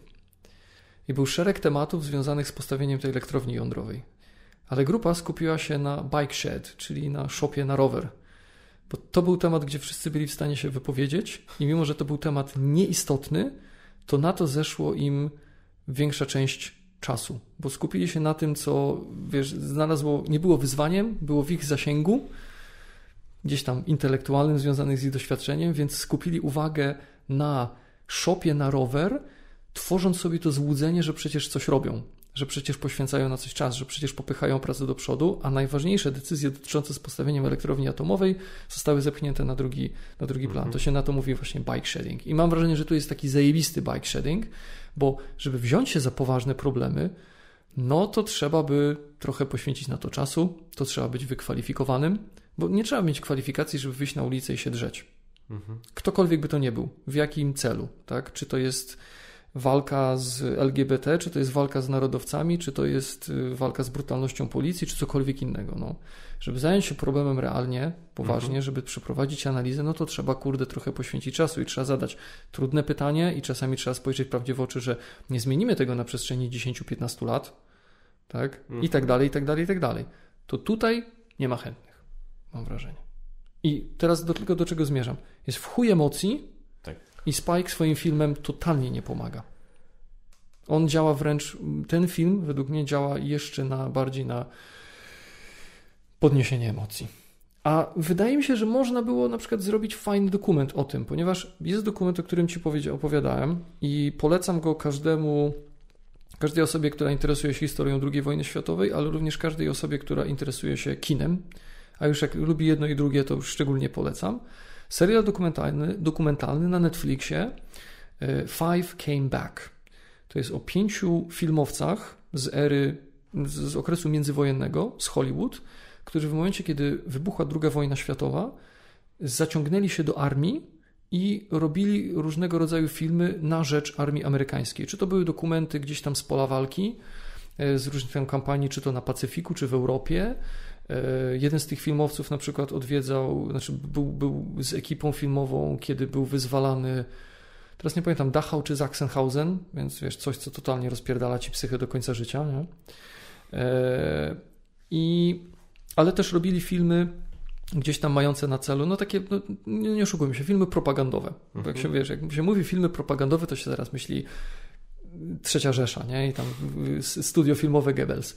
No ale Amerykanie też kręcili e, filmy propagandowe, żeby zachęcić młodych Amerykanów do tego, żeby się zaciągali do armii, żeby jechali na front.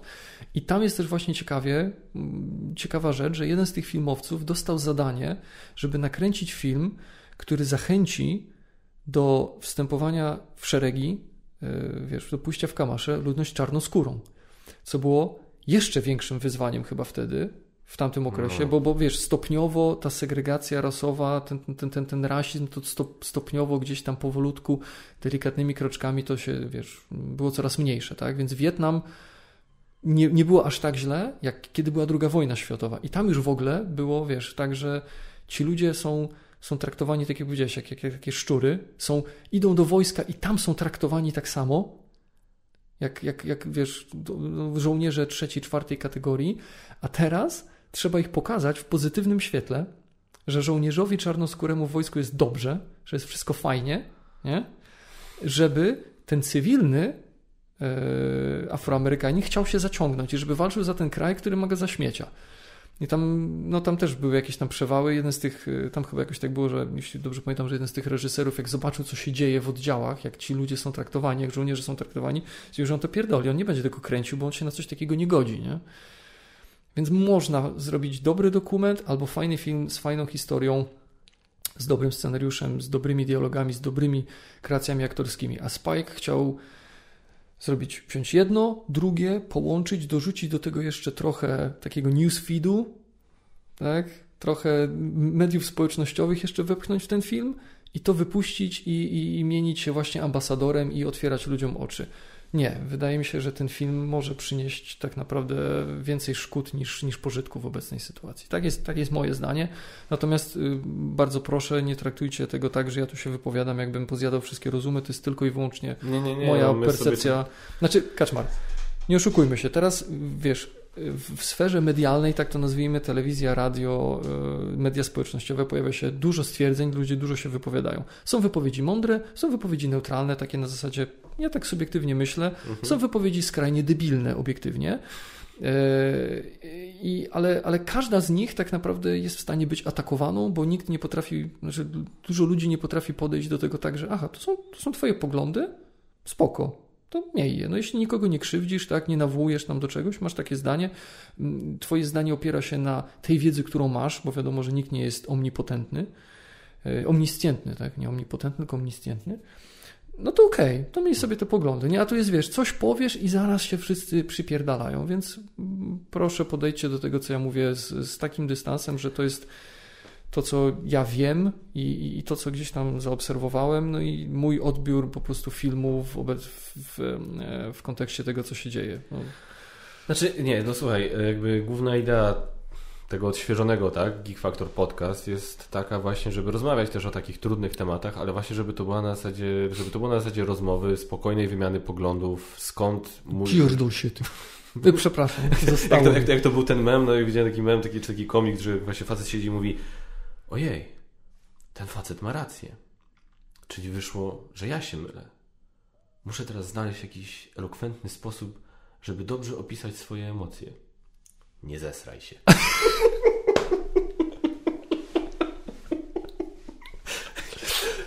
O tak. No i jakby wiesz, jakby idea właśnie jest taka, żeby o tym rozmawiać, skąd się biorą, wie, dlaczego mam taki pogląd, a nie inny, jaka jest moja wiedza, wiesz, zapraszać ludzi, wiesz, mniej lub bardziej obeznanych z jakimś tam wycinkiem rzeczywistości, żeby właśnie, wiesz, ty się, za dużo, to. ty się za dużo Rogana oglądałeś. No, ty byś chciał, żeby do ciebie tacy goście przychodzili, ja, jak nie, przychodzą no, do Rogana, a przychodzę ja. To już gdzieś trzeba znaczy, zacząć. Znaczy, wiadomo, ter, od stąd może być już tylko lepiej. Dokładnie, dokładnie. Tak. Więc to jest, to Aczkolwiek jest odcinek. Ja nie? nie jestem w tym momencie w takim razie dobrą reklamą. Bo tak ludzie patrzą, o kurwa, on jego zaprosił? Mhm.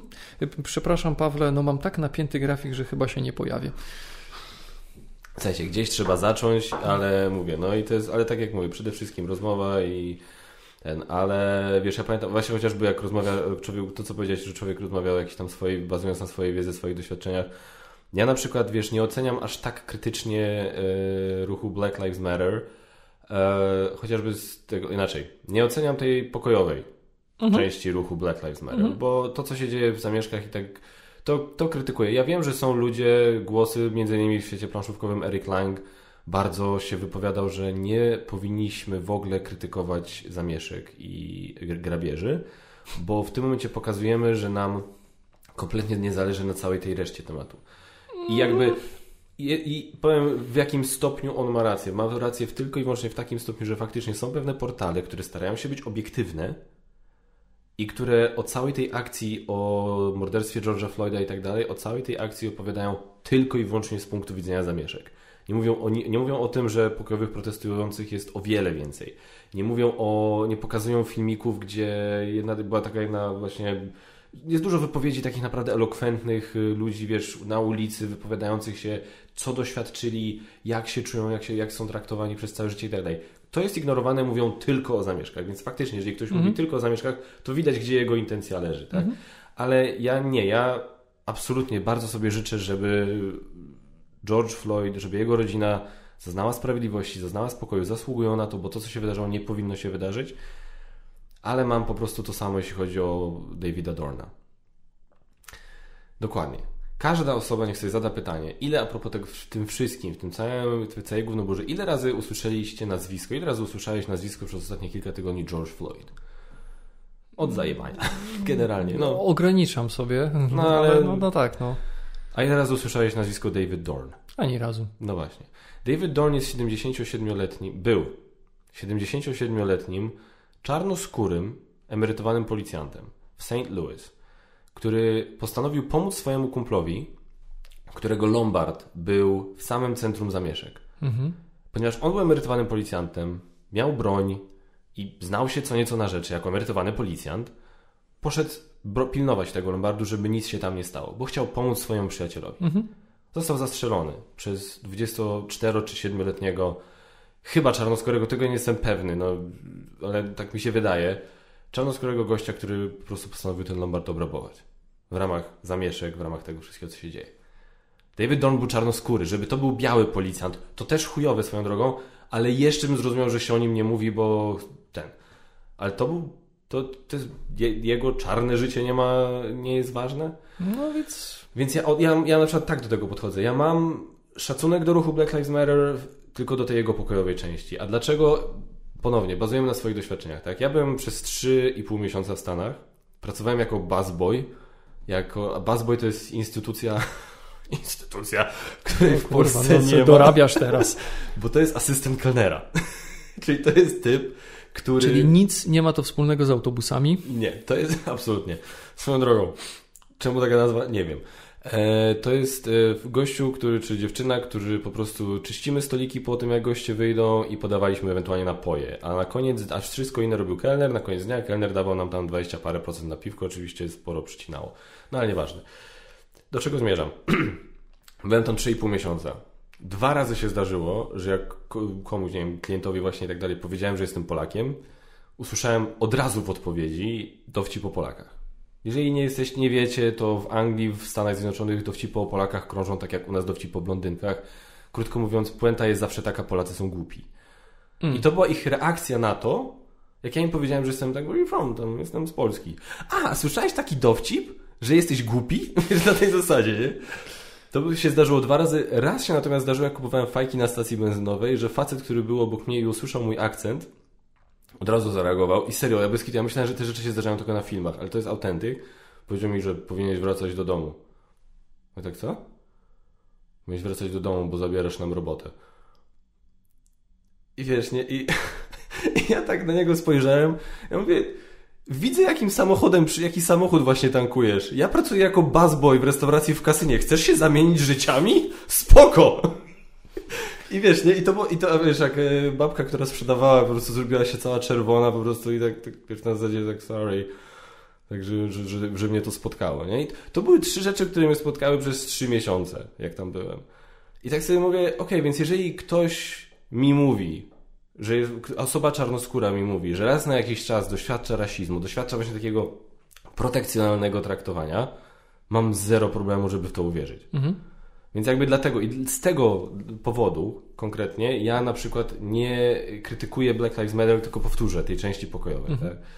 Bo jakby no mówię, oni mają prawo, jeżeli czują się w ten sposób traktowani, jeżeli czują się, że George, że wiesz, to nie jest nawet to, że George Floyd jest, nie wiem, że to nawet nie chodzi o te statystyki, nawet nie chodzi o liczby, tylko to, że to jest, wiesz, to jest ta iskra, tak, że to już to jest kurwa kolejny raz, to jest coś i po prostu musimy, to jest jakiś tam przyczynek do tego, żeby w końcu znowu, znowu o tym pogadać w jedyny sposób, jaki im przychodzi do głowy, czyli po prostu wyjść na ulicę i protestować. To, że wychodzą inni ludzie na ulicę i robią coś zupełnie innego.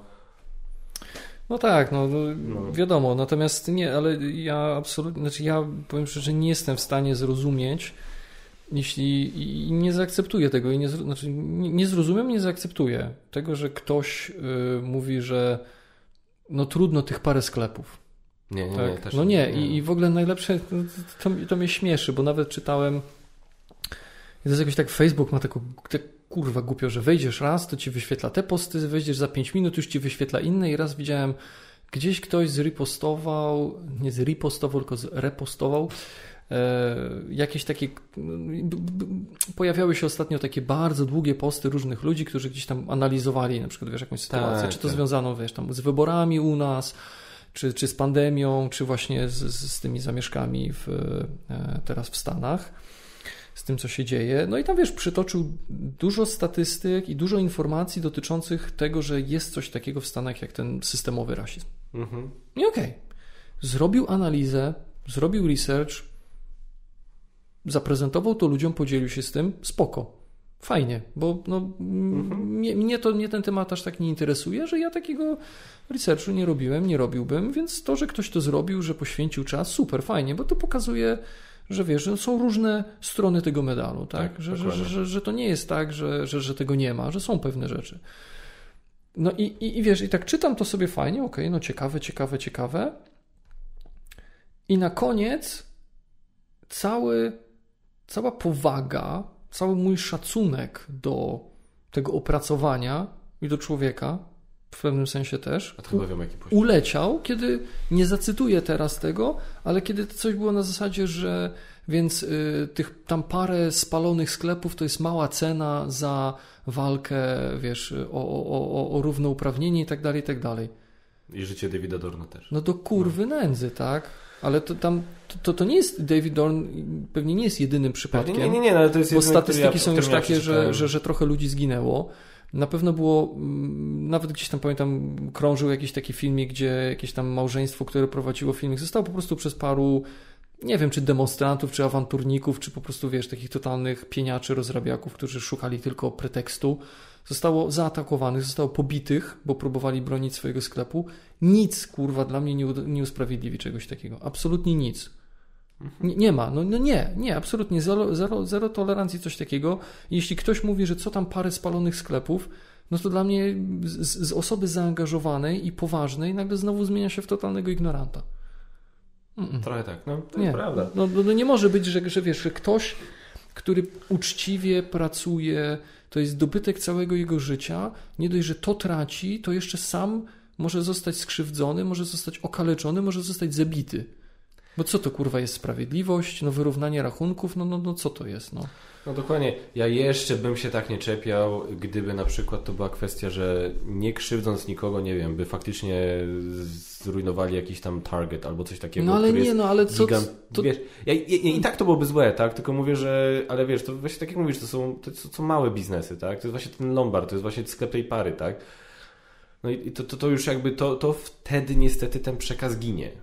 To już, to już, to, to po prostu, no, no, no nie masz jak, wiesz, znaczy inaczej, nie, że przekaz ginie tego całego ruchu, bo mówię, tych pokojo, pro, pro- protestujących pokojowo jest dużo więcej. Ale jak ktoś mówi, tak jak ty powiedziałeś, że co te parę, no nie, no to wtedy, sorry, tracimy ten. Dobra, przejdźmy na coś lżejszego. no tak. Eee, słuchaj, ten. Bo, ty, bo w ogóle ty mówisz, że coś y, będziesz chciał o planszówkach też pogadać, nie? Było, Fallout Shelter, starczy. No, Lecimy dalej.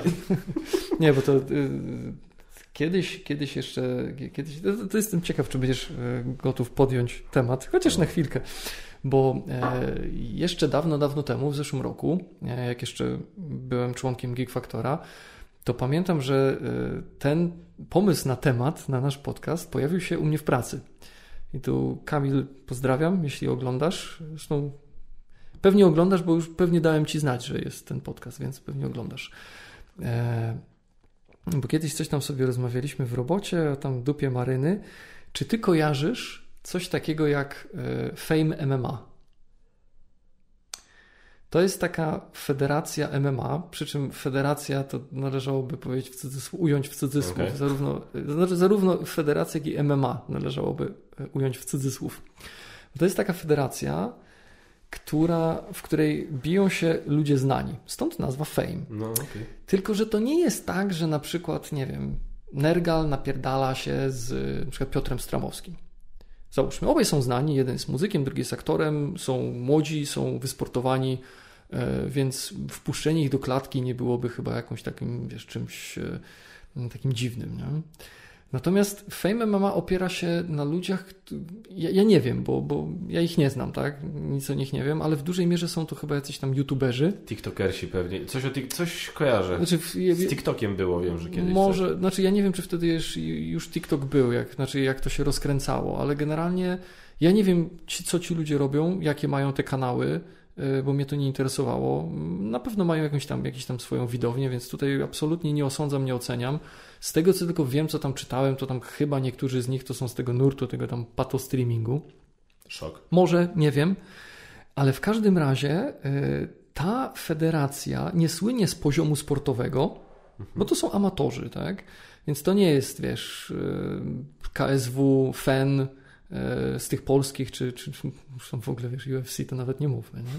Więc to nie jest, to nie jest nastawione na sportową, taką stricte rywalizację osób, które się na tym znają, czy nawet jak masz tam, wiesz, czasami na KSW takie freak fighty. Nie, to jest, to jest jeden wielki freak fight, ale to, z czego słynie ta federacja, to jest z konferencji prasowych przed galami, które są po prostu płonący, płynącym potokiem, rzeką y, totalnie chamstwa, wulgaryzmów. Okej.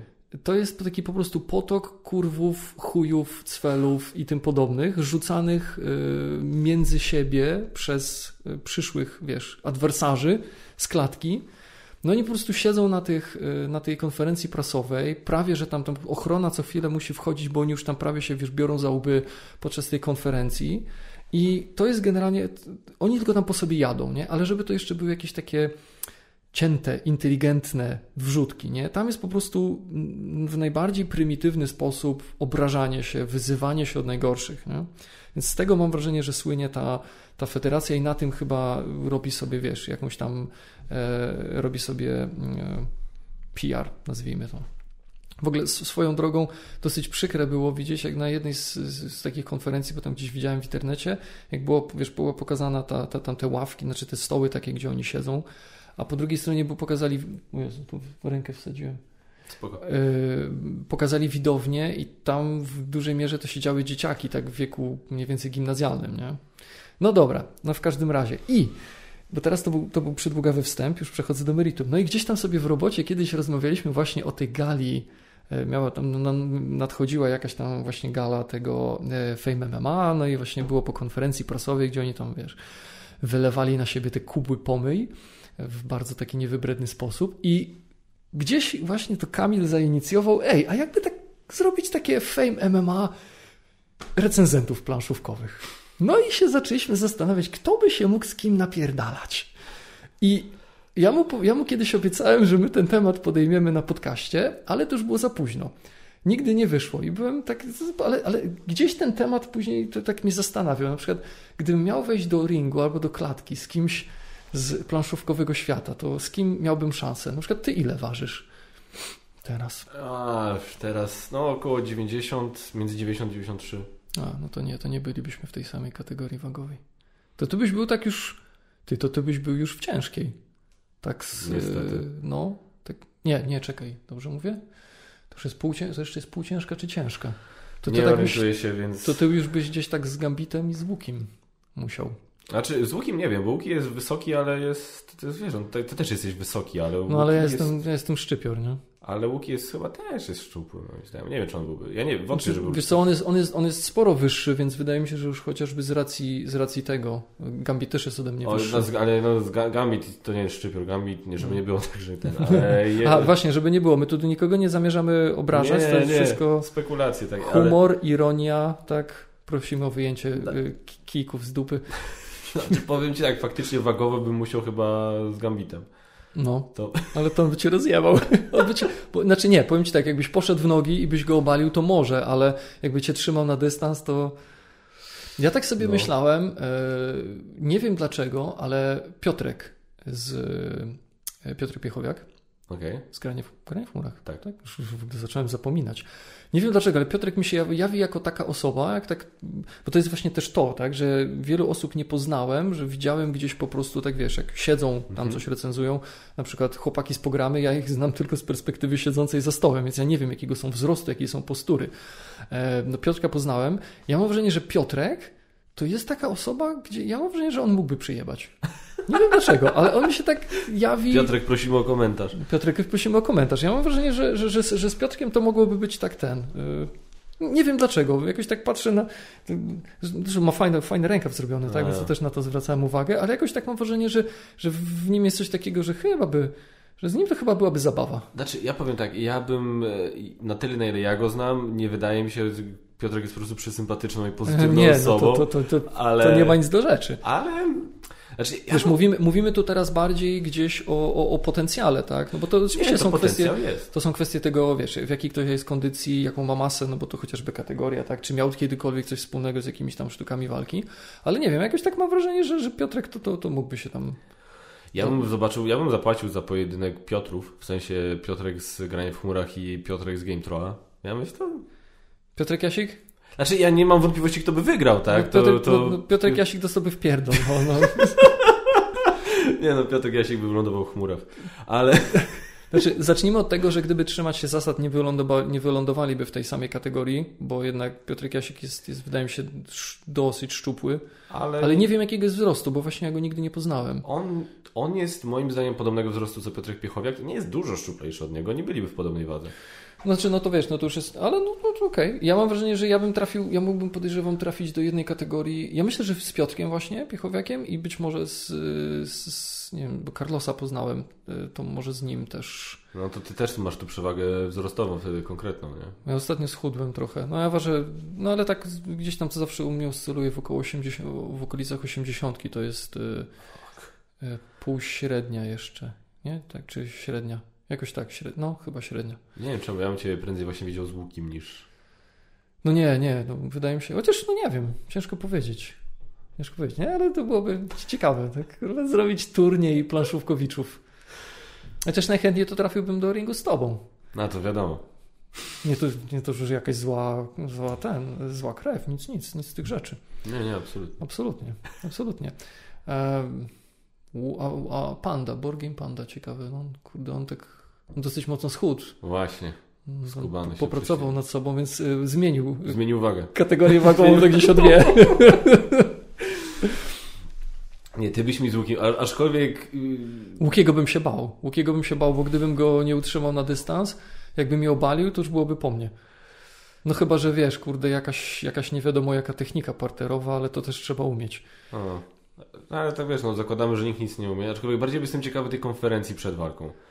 Bo ciebie jeszcze, ty byś był w stanie się wspiąć na te wyżyny właśnie tych Chyba wulgaryzmów. niziny, zejść na niziny. Zejść na niziny, przepraszam. Tak, na wyżyny wulgaryzmu, na niziny poziomu. tak, Tak. na niziny W poziomu. ogóle dzięki kurwa za podsumowanie. Ale spoko. I dzięki kurwa za podsumowanie, więc sam też siebie podsumowałem. No, Bo po prostu wiesz, łuki, wiesz, by co chwilę tam ja pitole, magot, weź, z No. Bogiem. no nie, to, to, by, nie- to by nie przeszło. Znaczy, wiesz co? Ja myślę, że gdyby Gambit miał gorszy dzień, to on by się dostosował do mojego poziomu. A wręcz może jakby miał naprawdę zły dzień, to ja bym się musiał dostosowywać do jego poziomu. Oj, nie mam cienia wątpliwości. No bo Gambit potrafi, nie? Goj, go potrafi. No. A, a chłopaki z programy z kolei, to ja bym. No to nudno zabrzmi, ale między Bogiem a prawdą ja widzę ich. Yy, przepraszam, Bogiem a prawdą. Yy, widzę ich yy, razem w starciu. Nie widzę żadnego z nich z nikim z reszty świata. Może yy, Piotrka, znowu byłby pojedynek Piotrów, bo Piotr z Granie w chmurach właśnie z Piotrem yy, Jasikiem. Mhm. To chyba jest tam Ale podobna no, też. to, to ciekawa by była taka bratobójcza walka w programy. No, tak, tak jak u nas. No. Kto jest, tak- o, o tytuł Kto jest większym narcyzem? No nie, no nie oszukujmy się, no chłopaki lubią siebie, no. No, No lubią Słuchajcie, siebie. ale żeby nie było, to jest na zasadzie swój pozna swojego. No kurwa, no sorry, no. A ja tu po co jestem? No, lubię być, lubię być przed kamerą, no. Tak najlepiej Joe Rogan pod swoją drogą mówi Przepraszam, wcześniej. tylko nie można być właśnie jakimś tam youtuberem czy coś i nie mieć jakiegoś w jakimś stopniu parcia na szkło. Oczywiście, i, że no, tak. No, bo, Przecież sorry. wiele razy mówiłem, ja realizuję swoje niespełnione marzenia o aktorstwie. Tak, to jest dokładnie to. Znaczy, ja aktorstwie robię. czy o sławie? Znaczy, no, Bo aktorstwo tutaj to tak, no jak cię mogę. aktorstwo leży, pamiętaj. Nie, to właśnie jak ten, jak Joe Rogan opowiadał, wczoraj włączyłem właśnie mój najnowszy odcinek i ten, opowiadał o filmiku, na który żałuję, że trafiłem. Masa y, aktor, znaczy masa, no, kilku aktorów, aktorek, taki PSA, czyli Public Service Announcement, Mhm. gdzie jest ujęcie na aktora czarno-białe, gdzie aktorzy oni siedzą i mówią do kamery bardzo smutnym, poważnym głosem I take responsibility. Za każdym, za każde, y, za każdą sytuację, gdzie przy mnie jakaś osoba czarnoskóra była źle potraktowana, a ja nie zwróciłam uwagi. I taka, wiesz, taki montaż tych aktorów. Tylu aktorów, do których ja straciłem szacunek po tym cringe'u. Po prostu Aaron Paul, którego uwielbiałem. No po prostu gościu trzasnął niesamowitą rolę w Breaking Bad i teraz w trzecim sezonie Westworld zresztą też naprawdę, był naprawdę dobry. I po prostu to, nie? To jest, ale i, i ponownie, to nie jest to, że ja krytykuję ideę, tylko krytykuję wykonanie, które jest po prostu tak banalne, tak tendencyjne i masz, i masz Stanleya Tucci, który też. I najlepsze jest to, że to wszystko, to, to całe ich oburzenie, które oni odgrywają zajebiście, bo są wszystko dobrzy aktorzy, No tam. tak, no. E, odczy- i, I widzisz, że oni czytają z kartki, bo widzisz, jak im gałka oczna idzie, wiesz, lewo, prawo, lewo, prawo, nie? I po prostu w życiu nie pozwolę sobie, żeby po raz kolejny komuś przy mnie Zaraz, a co tam? wydarzyła się krzywda, wiesz? I to jest, Krzy... A krzywda, okej, bo tam niewyraźnie było. i to jest tak sztuczne. I właśnie Joe Rogan, oni tam jego goście pytali się, że tak zastanawiali się w ogóle z czego to wynika. Joe Rogan mówi, jak to z czego to wynika? Wszyscy się to na dupach w domu, od trzech miesięcy nie mogą nakręcić żadnego filmu i nikt to nikt nie mówi. No a ja dlaczego musi tu jestem? Musi ktoś im w końcu o nich powiedzieć, więc biorą udział w takim czymś. A dlaczego zacząłem pompki robić? No kurwa, no trzeba się było pokazać. Je, mi w ogóle przyszła jeszcze jedna osoba, y, z którą mógłbym, ja mógłbym się napierdalać, bo mam wrażenie, że y, wagowo podobnie, a i też wydaje mi się, że, że chłopak by ogarnął.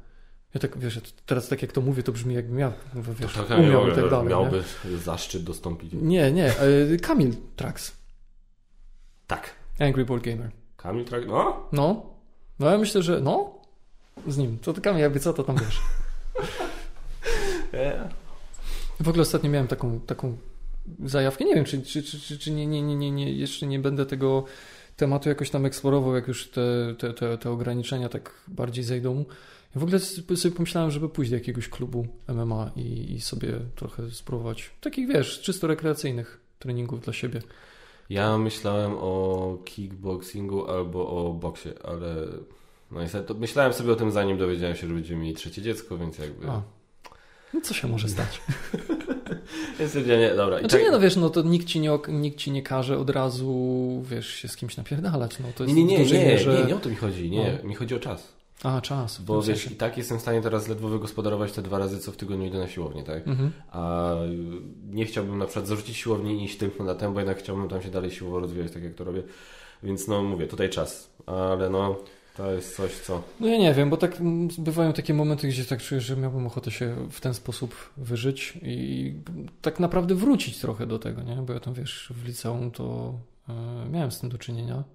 E, nie, nie z MMA, bo wtedy tak naprawdę się jeszcze o tym nie mówiło. Tam jacyś No. byli, wiesz, byli tam pierwsi, pierwsi pionierzy tego u nas. E, ale no tak, tak myślę, myślę o tym i niewykluczone, że że sobie do tego wrócę tematu. No ale to zobaczymy. No w każdym razie dobra, ale to jakby co, słuchajcie, to tam piszcie do Kaczmara, zbierzemy sobie, zrobimy taką galę. Nie będziemy się obrażać na konferencji prasowej, ale coś tam sobie zrobimy i się Tak. ponapierdalamy troszeczkę.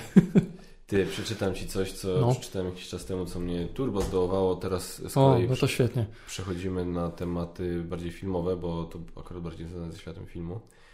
A, artyk- a, ankieta, która została przeprowadzona chyba przez AMC, czy... Ach, nie wiadomo.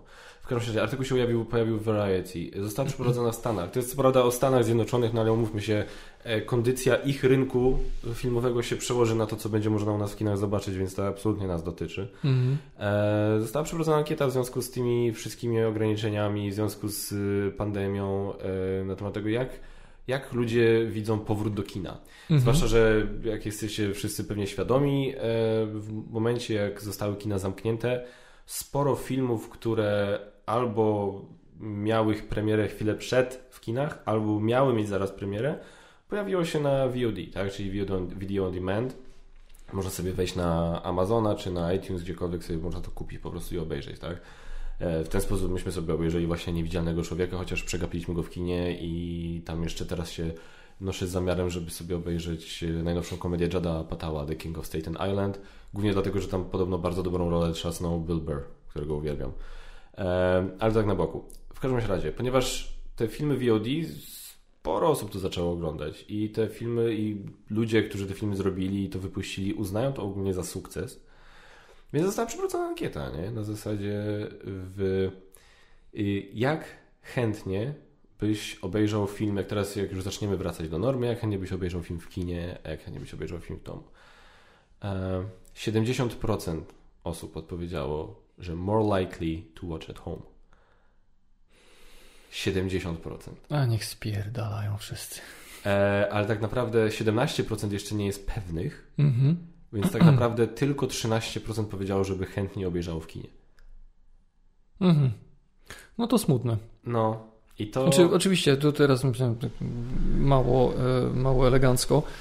E, No nie, no ja sobie nie wyobrażam oglądać tylko w domu. Nie, No nie, no to jest, no jak, długo, jak duży mogę mieć ekran? Jaki mogę mieć system nagłośnienia w domu? No, no nie, no to, ale to samo to uczucie, tak? To jest, zależy, zależy kto jak do tego podchodzi, ale myślę, że ty i ja podchodzimy do tego e, jednakowo. To jest swego rodzaju rytuał Absolutnie. szczególny, wyjątkowy, Absolutnie. pójść do kina.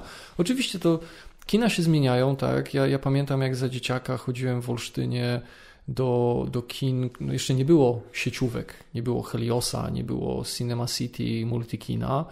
E, więc były kina, na przykład, wiesz, takie stare, pamiętam, było kino Polonia, już tego budynku nawet nie ma, w którym było to kino w Olsztynie, jeśli dobrze, tak mi się wydaje, no ten, dobrze mówię? Chyba tak, no, chyba, chyba nie ma już tego budynku, więc to była taka stara sala kinowa. E, pod sufitem był taki ogromny, wielki, wielgachny żyrandol. Oczywiście niewygodne siedzenia rozkładane, tam wiesz, ale to się człowiek wymęczył. E, I, I, to, miało swój, to miało swój taki niepowtarzalny klimat. Oczywiście, no potem weszły te sieciówki, gdzie czy pójdziesz do Heliosa w Warszawie, czy we Wrocławiu, czy, czy w Gdańsku, to pewnie wiesz, będzie to samo. Mhm. Czy no jak będzie nowsze, to pewnie będą wygodniejsze fotele, no ale generalnie, ale nadal jest to kino, tak? Nadal jest ten klimat, że siadasz w sali kinowej, gasną światła, są zwiastuny, potem masz film, masz ten dźwięk, masz ten obraz chuj tam czasem nawet ten smród tego popcornu. No, no byleby ktoś, wiesz, byleby nie, nie czuł się jak na fermie świń, gdzie dookoła wszyscy wpierdają. Ale to nadal jest tam troszeczkę tego klimatu. No, bylebym nie śmierdział tym, tym, tym tłuszczem od popcornu, to to też daje gdzieś tam trochę jakiegoś klimatu, że wiesz, wezmę sobie ten kole, no, tam sobie posiorbię już pod koniec, już jak się kończy kola, to tam wiesz, tak, tak na cichacz, tak Pamiętasz ten? Sounds Quiet Place? Kuźwa, tam się nie dało nic ugryźć po prostu. Ale to było tak idealne. To było idealne, tak. że, że, że właśnie taki film sprawił, że nie ciąkali. Więc dla mnie to jest zawsze taki rytuał, którego ja nie potrafiłbym sobie odmówić. Ja nie sobie nie wyobrażam teraz być, no, z mojej perspektywy patrząc, być zmuszonym, być ograniczonym do tego, żeby oglądać e, w domu. Ja sobie nie wyobrażam teraz Tenet czy Dune obejrzeć w domu. Weź nawet nie stresuj. Nie no, znaczy na szczęście właśnie taki reżyser, chociażby właśnie Christopher Nolan się bardzo głośno wypowiadał, że on sobie tego nie wyobraża i bardzo głośno apelował do ludzi, żeby chodzili do kina, żebyśmy nie przestawali, y, właśnie nie zaprzestawali tego rytuału. Y, I między innymi właśnie on mocno walczył, żeby tej premiery Teneta nie przesuwać. Tak? Koniec końców przesunęli na szczęście nie, nie dużo. I naprawdę był i, i paru innych reżyserów jest na tym samym stanowisku, stanowisku co on. Aczkolwiek no nie da się ukryć, że jeżeli, wiesz, to jest ciągle, wiesz, to są ankiety i to jest wszystko teraz, oni, oni jeszcze nie mają wiedzy, no, nikt nie ma wiedzy na temat tego, jak to będzie wyglądało, już te kina faktycznie otworzą. I wtedy się przekonamy, wtedy zobaczymy, jakie to są liczby, wtedy zobaczymy, wtedy ci wszyscy, wszyscy wiesz, dystrybutorzy kina, to wszyscy, wszyscy zobaczą, czy się kasa im zgadza. Bo nawet jak się kina otworzą, to przypominamy, no będzie inny rygor sanitarny, tak, mm. prowadzony i w tym momencie już no nie sprzedasz 500 miejsc na sali, sprzedasz, nie wiem, 250. No pewnie połowę tak no. gdzieś, no. I to, te, i, to, I to wpłynie na to, no to nie ma opcji. I to, czego ja się boję, yy, to jest to, że jakby ja jestem prawie pewien na tym etapie, że filmy skromniejsze, niskobudżetowe, wiesz, dramaty i tak dalej, tutaj faktycznie będzie można, podejrzewam, zaobserwować sporą zmianę w kierunku właśnie platform streamingowych, video on demand i tak dalej.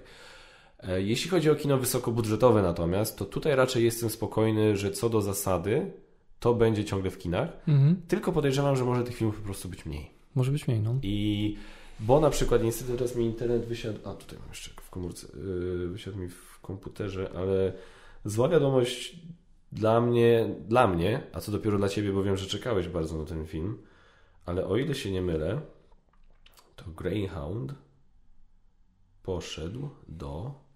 Nie będzie wyświetlany w kinach. Greyhound poszedł do Apple TV. Mhm. Czyli platformy, która jest na szarym końcu listy platform, które ja rozważam, żeby jeszcze wziąć do, dołożyć do tego, co już mamy. Tak? No właśnie, ale czy tam jest. Bo ja, ja sobie jeszcze to wyobrażam, jeśli dana platforma pozwalałaby dokonywać jednorazowych, jednorazowych zakupów, jednorazowych transakcji. Tak jak jest na przykład, jest coś takiego, to się nazywa być może takich rzeczy jest, jest więcej. Ja po prostu nie, nie miałem styczności z, z, takimi rzeczami do tej pory, więc to jest taka pierwsza rzecz, którą gdzieś tam poznałem. Jest coś takiego, to się, jest serwis, który nazywa się Kino pod Baranami. To jest polski serwis i tam możesz kupić sobie film yy, tam za jak na przykład 15 zł, coś takiego. Czyli to jest taki klasyczny serwis VOD. Taki klasyczny serwis VOD i on tam masz go wtedy na 2-3 dni. No. I czasami mają promocje, że tam na przykład, nie wiem, za dwie dychy masz dwa filmy. Okej. Okay. E, I y, na przykład w tym tutaj jest dużo filmów takich bardziej mm, ofowych, takich, które gdzieś u nas na przykład obejrzałbyś w takim żaku na przykład. Okay. Ja tam widziałem film Proxima z mm, Mattem Dylonem i z Ewą Green. A słyszałem. Bardzo polecam. To jest film o tym, jak y, ma być misja kosmiczna, która będzie takim preludium do już misji załogowej na Marsa i opowiada o astronautce, która właśnie szykuje się do wylotu. Film jest bardziej skoncentrowany na tym, co się dzieje przed, na szkoleniu, na ćwiczeniach i na jej relacji z córką, gdzie ona rozstała się ze swoim partnerem. Przy czym jest, on jest jej trochę tam poniekąd współpracownikiem. No więc takie, wiesz, tam różne rozterki, to, że ona będzie musiała tę córkę zostawić na rok, yy, takie tam, wiesz, różne rzeczy. Świetnie zagrany, naprawdę bardzo fajny film, jest, to tam sobie obejrzałem i tam było dużo rzeczy, na przykład islandzki film e, Kobieta idzie na wojnę, też bardzo chcę to obejrzeć, czy z, kurde nie pamiętam tytułu, z Julią Roberts i no, tym młodym, który zawsze gra w filmach, gdzie gra syna w trudnej rodzinie. E, no, grał w Manchester by the Sea. A, wiem. Lu Lucas Hedges. Tak. Lucas Hedges, tak. tak. I jak to jest All About Eee, kurna, nie pamiętam tytułu. No w każdym razie tam jest dużo takich filmów, tak? Więc to ja rozumiem, bo ja tam sobie zakładam konto, ale nie płacę jakiegoś stałego abonamentu. Po prostu wykupuję ten jeden film i jest ok. Więc jeśli mógłbym tak robić, w ten sposób korzystać, mieć na przykład jakiś typ konta, taki, że mam dostęp do jednorazowych rzeczy, czy to gdzieś tam na Amazonie, czy na Apple'u, czy cokolwiek, to to jest spoko, no bo to jest tak, jakbym kupił bilet do kina. Luz, nie? Ale wiesz, jeśli teraz ja mam wykupować abonament, kiedy większość rzeczy mnie tam nie interesuje, albo po prostu już, no sorry, no, no kieszeń, nie chcę tyle tego mieć, mhm. no to to jest trochę słabe, no bo w tym momencie uważam, że w, w, w tych okolicznościach, jakie są teraz, gdzie to nie zostało wywołane, to, że to idzie na VOD, nie zostało wywołane naturalną ewolucją przemysłu filmowego, tylko no, sytuacją pandemiczną, to uważam, że w tym momencie robienie takie już perfidne na tym kasy, że no to wykup abonament na ileś tam, to będziesz miał dostęp do tego jednego filmu, który Cię interesuje, byłoby słabe. Z takiego czysto ludzko-moralnego punktu widzenia wydaje mi się, że to byłoby słabe. Wydaje mi się, że więcej kasy można by, tak mi się wydaje, tak, ja nie jestem marketingowcem. Wydaje mi się, że chyba lepszym interesem byłoby właśnie umożliwiać ludziom jednorazowe zakupy. Może wtedy nawet kupiliby więcej, tak? Ja nie, ja nie rozważam Apple, Amazon, E, no bo mam już HBO Go, mam Netflixa, na razie jestem z nich zadowolony, czekam na Disney Plus, na pewno się zdecyduję na Disney Plus. No to jeszcze dwa mam kupić tylko dlatego, że od czasu do czasu wyjdzie tam film, który mnie zainteresuje. Czyli musiałbym mieć, czyli będę miał wykupiony abonament w oczekiwaniu. Tak? Tak. Ale... No to to mi się nie podoba. No. A propos tego, czy się hajs zgadza, czy się nie zgadza, tutaj czytam na wirtualne media, Y, że Apple walczył do, o film y, w drodze licytacji za prawa do emisji zapłacił 70 milionów dolarów. Czyli Apple tak de facto kupiło ten film od mhm. twórców. No nie wiem, no jakby nie, troszeczkę mnie to niepokoi. Troszeczkę mnie to niepokoi, że będzie tak naprawdę, że w teorii możesz ten film sobie obejrzeć w domu, czyli teoretycznie powinien być bardziej dostępny, ale że przez to, że będzie na serwisach jakiś tam, to będzie mniej dostępne. No chyba, że oni wychodzą z założenia, że ludzie i tak kupią i tych paru takich, wiesz, e, maruderów, łamistrajków jak ty i ja, że nie wykupi, no to pff, chuj tam, nie? E, znaczy, nie powiem, wiem. Powiem Ci tak, y, patrząc na ceny produktów Apple'a i w jaki sposób oni do tego podchodzą, oni ewidentnie podchodzą do tego, ludzie i tak kupią. Jest takie słynne wideo, które zostało, które Apple bardzo się stara, żeby to wideo zniknęło z internetu, ale sorry, to jest internet E, jak jest prezentacja, któraś, któraś tam, nie pamiętam kiedy to było, e, gdzie prezentujący ten, jak on ma, Jim, Tim Cook? Chyba tak. Pokazuje, pokazuje stojak Apple'a za, pod monitor chyba, czy pod coś, kurde, za nie pamiętam jaką kwotę, ale pamiętam, że jakiś gościu z widowni krzyknął What the fuck? Chyba taki idealny moment, się ten obraz tak przesunął i się wyświetlił ten stojak, ta cena się pokazała. Była taka cisza na sali, Tim Cook akurat nic nie mówił, bo się tak idealnie to brzmiało, tak what the fuck? I oni to potem wycięli z tej prezentacji i starają się, żeby ten wideo zaginęło. No to jest, wiesz... No, no tak, no, no, no akurat ceny, ceny aploskich produktów, jak dla mnie to jest what the fuck. Yy słyszałem takie opinie, że na przykład tam wiesz, te nowe iPhony nie są wcale takie drogie gdzieś tam w porównaniu na przykład z, z, z, z konkurencją tam ze strony Samsunga. No ale w momencie, kiedy masz, e, no nie wiem, na przykład takie tam e, e, oryginalne klawiatury bezprzewodowe, to masz taką malutką klawiaturkę, no to jest taki prostokąt, tylko że on jest biały. Tak? Jest biały i wydaje fajny odgłos, jak, jak tam w niego stukasz. To taka tej wielkości klawiaturka, ona w oryginalnym sklepie aploskim kosztuje 300. A jej rozszerzona wersja jeszcze z tam, wiesz, z numeryczną kosztuje 600. 600 za klawiaturę bezprzewodową, nie? Jeszcze rozumiem myszkę, bo myszki, oni te, ta myszka też kosztuje tam chyba teraz około 300, przynajmniej jakiś czas temu, jak patrzyłem na te ceny. No to okej, okay, ja rozumiem, bo ona jest jakaś tam taka zajebista, że ona tam kuma te gesty wszystkie aplowskie, nie? Tam, no oczywiście ja tam się nie znam, jestem aplowym ignorantem, mam służbowego iPhone'a i nienawidzę tego telefonu. No, e, ale to tam jeszcze jestem w stanie zrozumieć, ale no nie, no nie, no ale widzisz, no wypracowali sobie taką markę, stworzyli sobie wierne grono wyznawców wręcz. E, nie mam nic do tych ludzi, bo to nie jest tak, że teraz szydzę, no ale jest, jest, jest grono oddanych klientów, no, tak. nazwijmy to tak.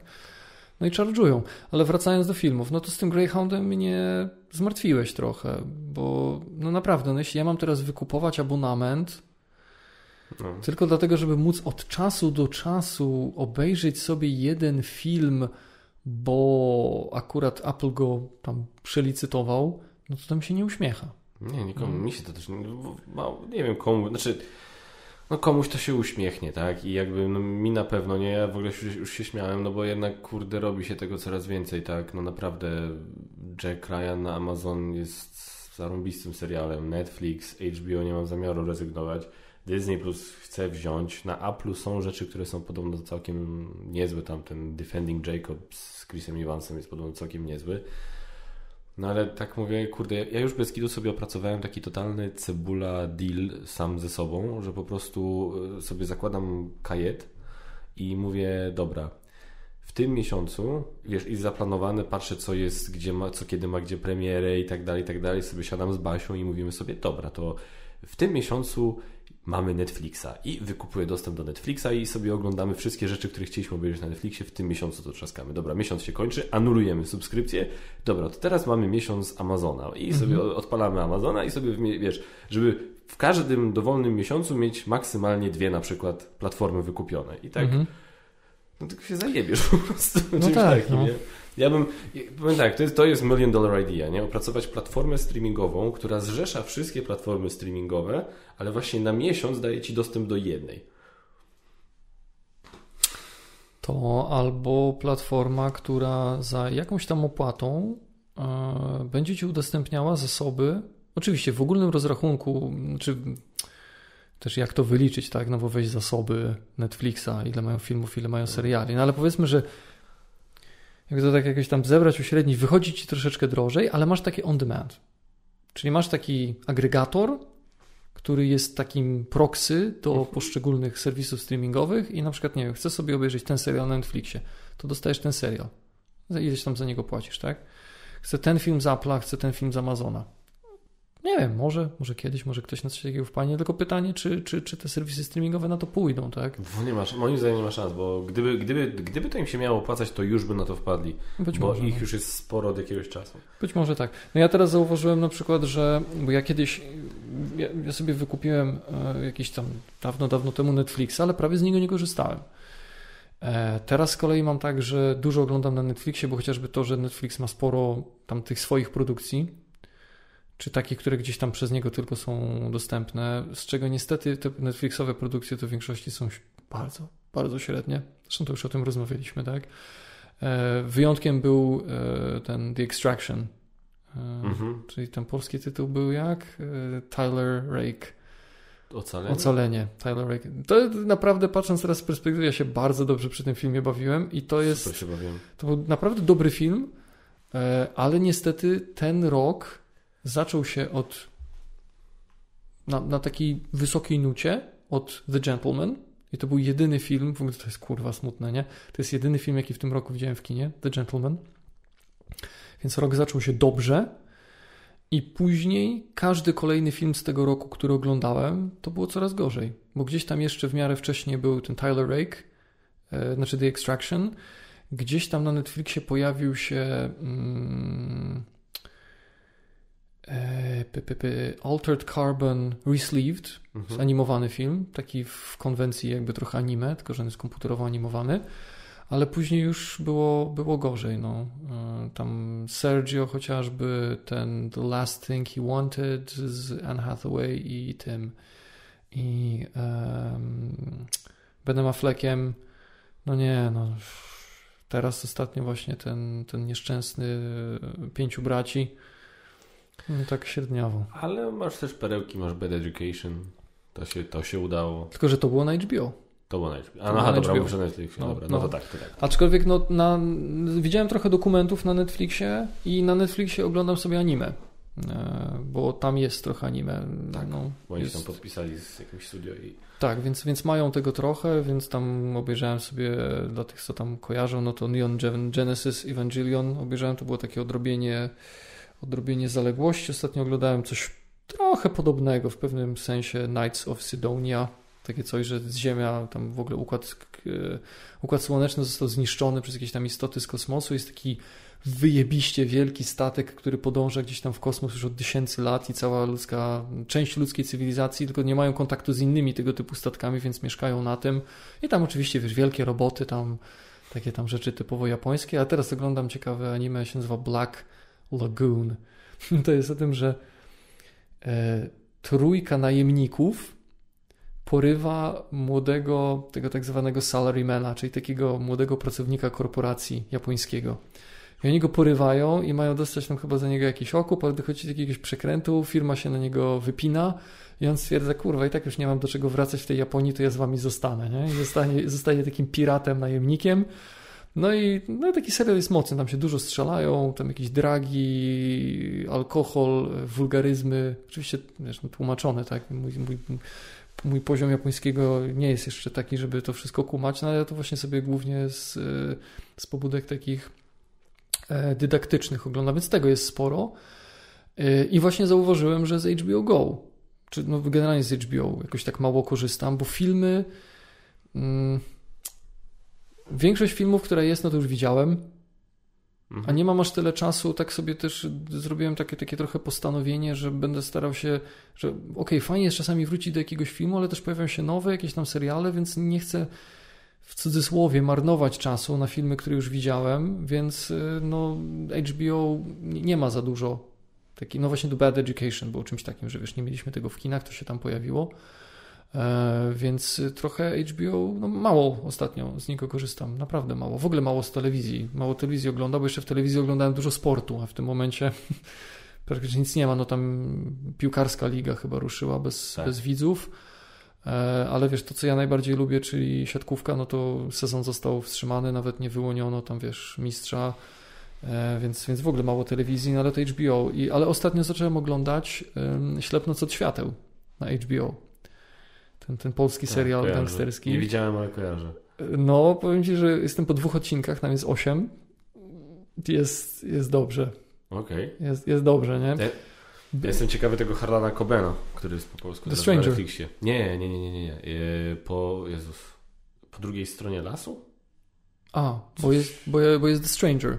Jest tak, tak, tak, tak, tak. Ale To to widziałem.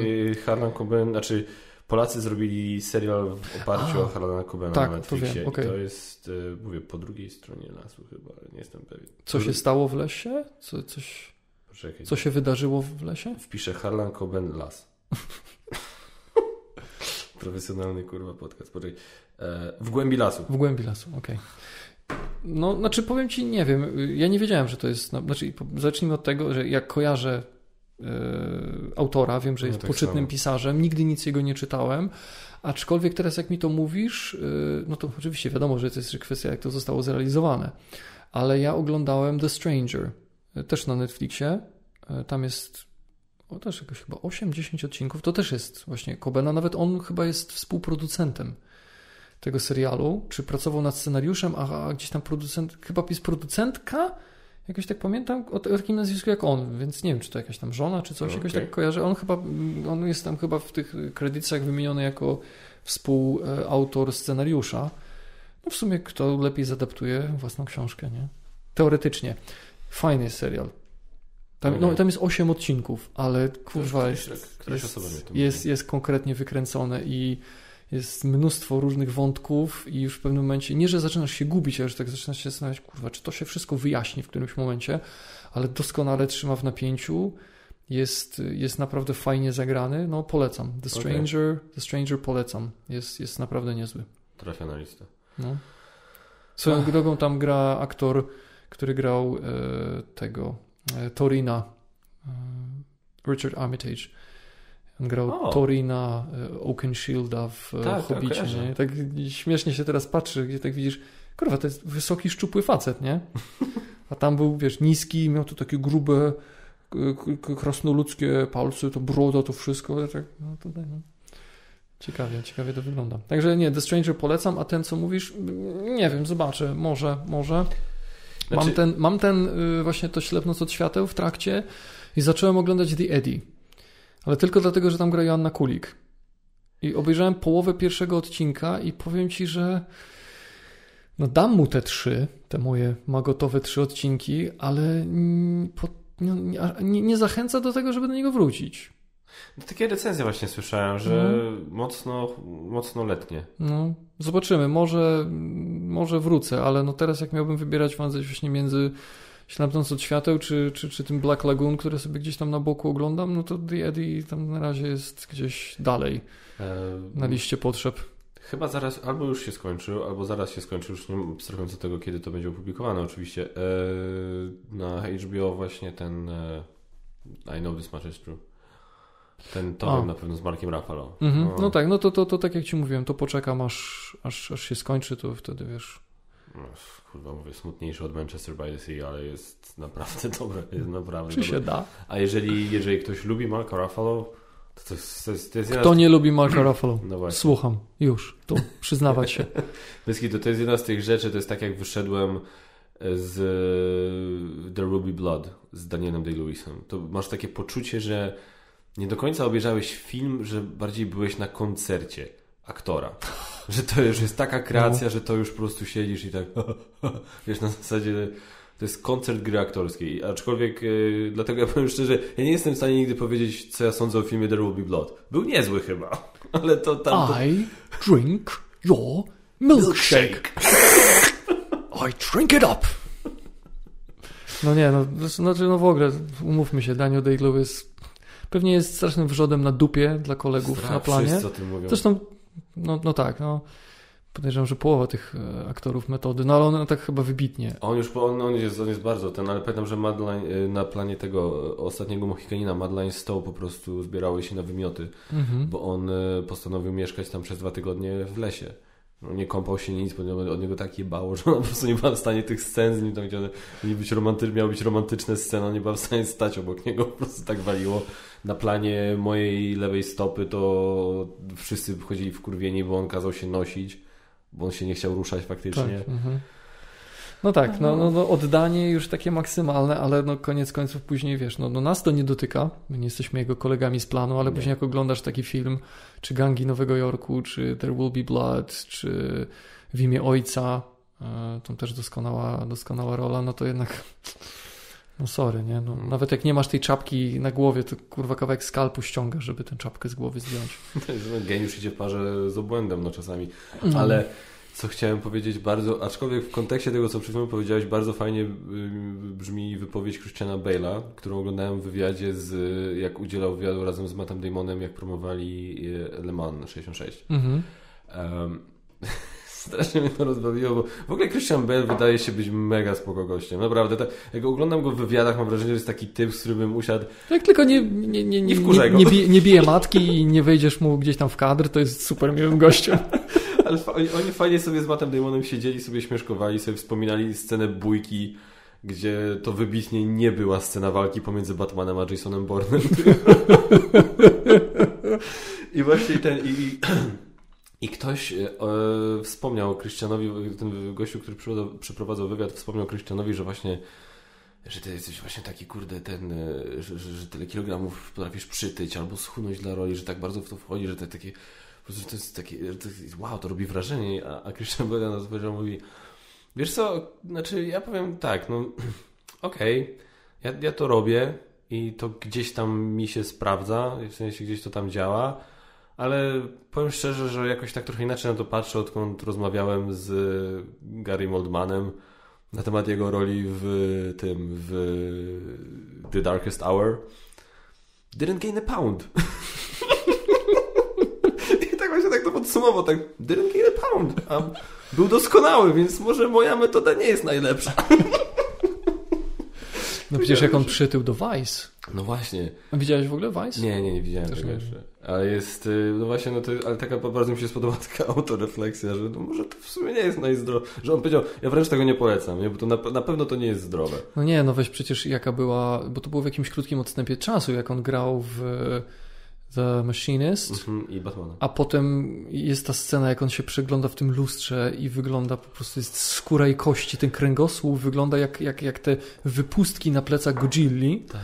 A potem masz kurwa tę scenę, jak on w Batman Begins wstaje z łóżka I robi pompki. i robi takie chupsz na podłogę i zaczyna robić pompki, nie?